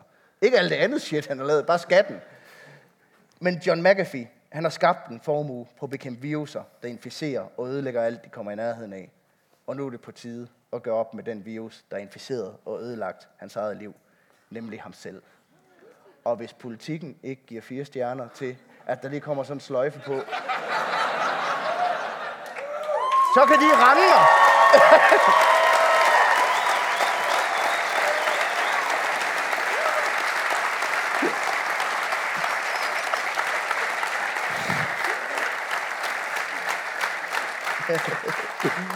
ja. Du bliver så forfærdelig, når du er så fuld af dig selv. Altså, det er så... Ej, man, jeg, ej, det bliver en forfærdelig køretur hjem. ja. Vi skal faktisk vi skal i Legoland i morgen, så det bliver... Der er en mening med livet. Det, det Ja. kommer senere. Ja. Få timer efter domsafsigelsen er sagt, der kører John McAfee så den her McAfee deleter på sig selv og hænger sig i fængslet. Vagterne de forsøger at genopleve ham, men uden held. Og John McAfee han dør her den 23. juni 2021. Prosit. Nej, nej, nej, nej. Jesus Christ.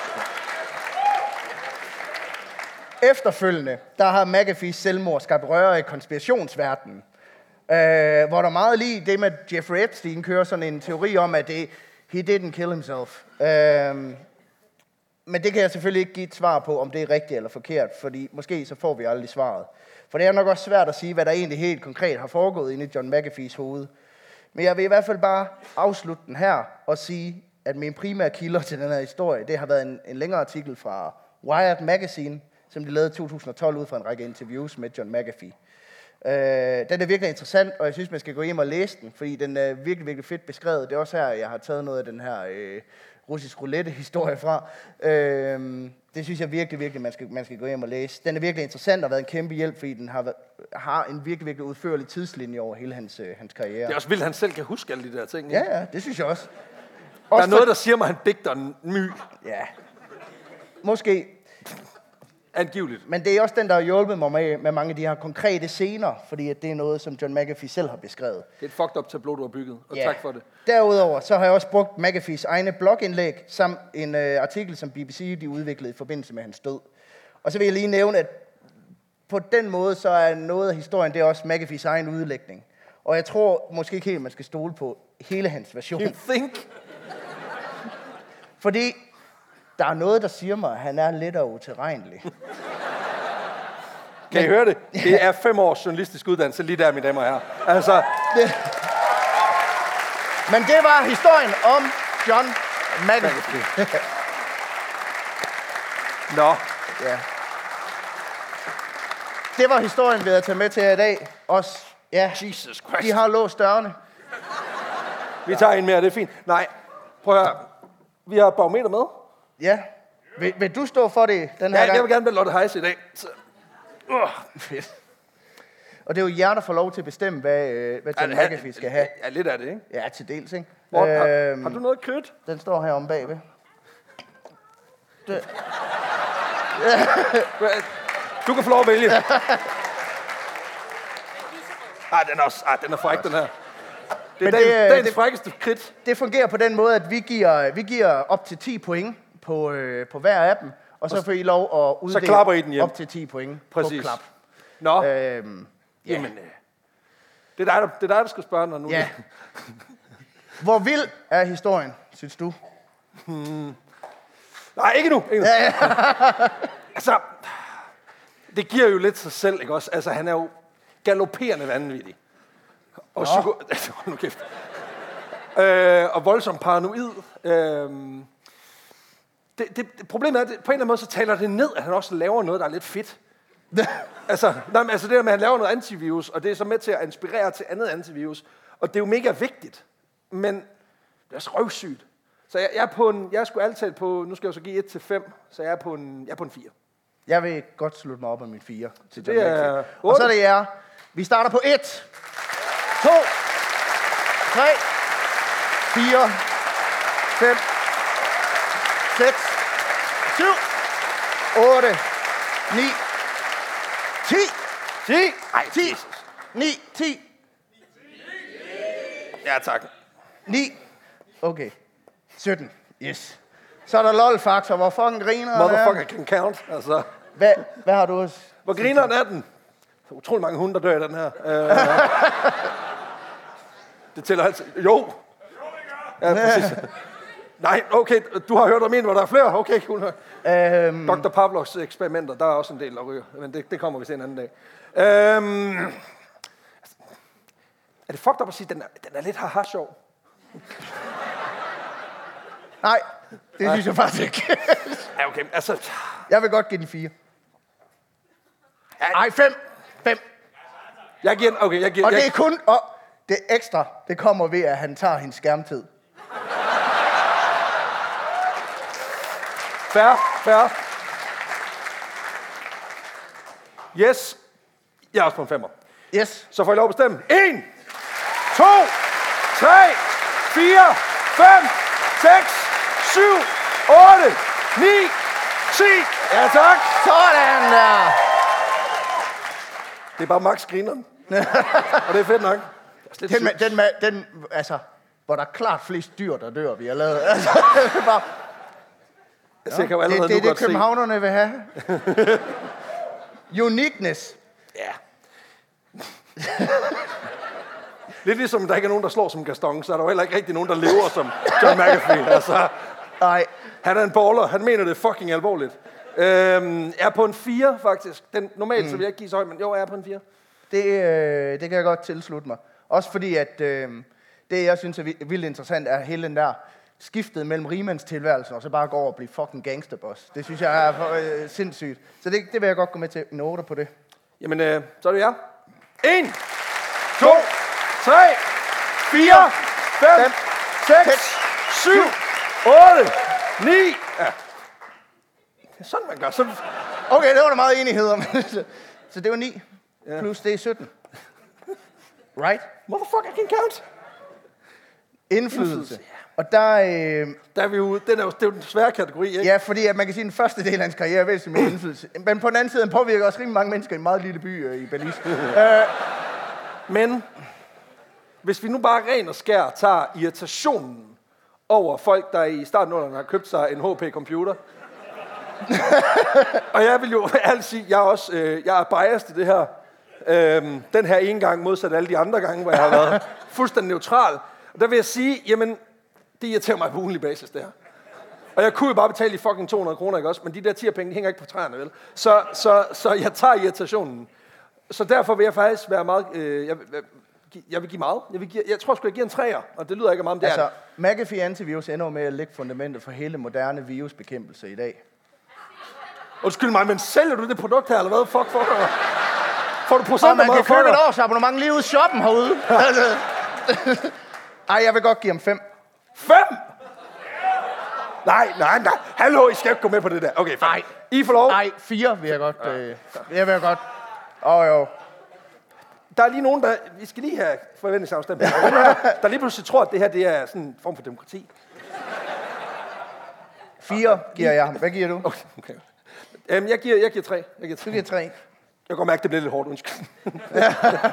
Nå, nu er det jer.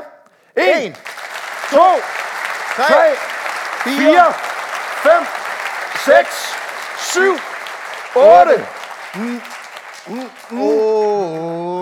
otte, otte, otte. Otte pil op. Don't, no, no, no, don't even start. Godt. 15, okay. What? Okay. Jeg gider ikke, jeg gider ikke He's, diskutere den he's sidste. one spicy boy.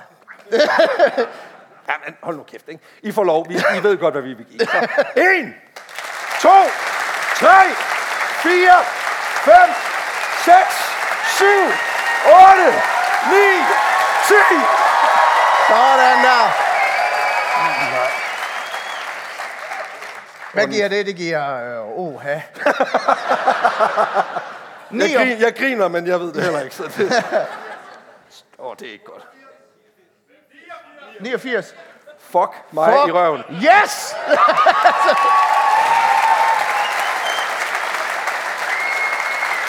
Nå. Så, Okay. øh, Ja, øhm, så har vi jo en topscorer i ja det, er, det er fem mere end frøken. Altså, så det er bare lige for at sige, at jeg har vippet puax af pinden. Og det skal I jo, det skal I jo så gå og bearbejde. Øh, vi er videre i næste uge, øh, men, øh, men det må I så bære i jeres hjerter resten af livet. Og det er for groft. okay, øhm, real talk. Det er svært at beskrive, hvordan det her det er lige nu, fordi der sidder fucking 500 plus mennesker og kigger på det shit, vi har bragt op over de sidste to år. Og jeg kan, ikke, jeg kan ikke tage det ind, så derfor så lader jeg være. Som, en, som, som det er med, du ved, følelser og tumor, du skal bare... Don't react. Nej. Nej, det, øh, det var også en grov sammenligning, ikke? Nej, men det...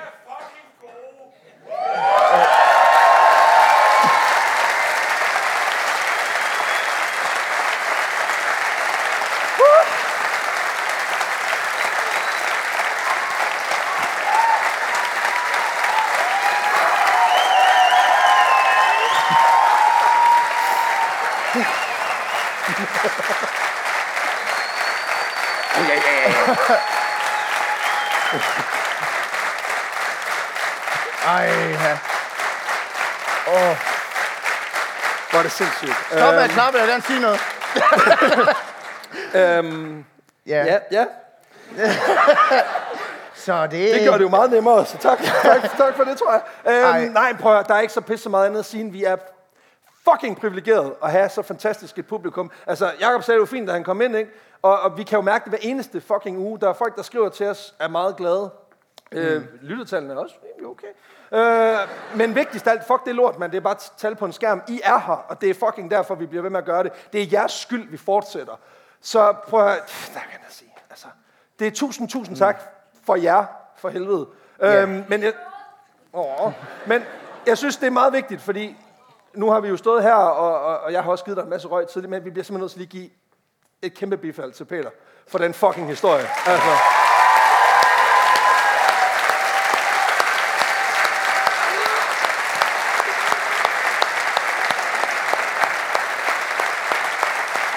Også lidt til Alexander. Han er fra Randers!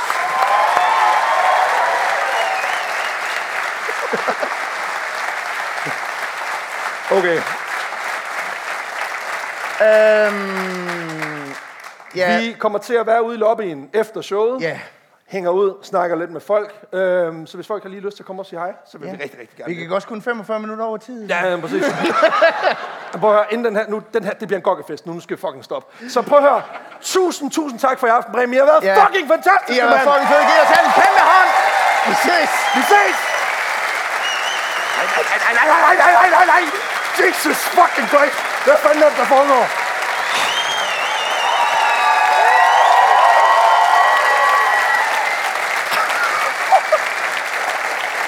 Så, Tusind tak.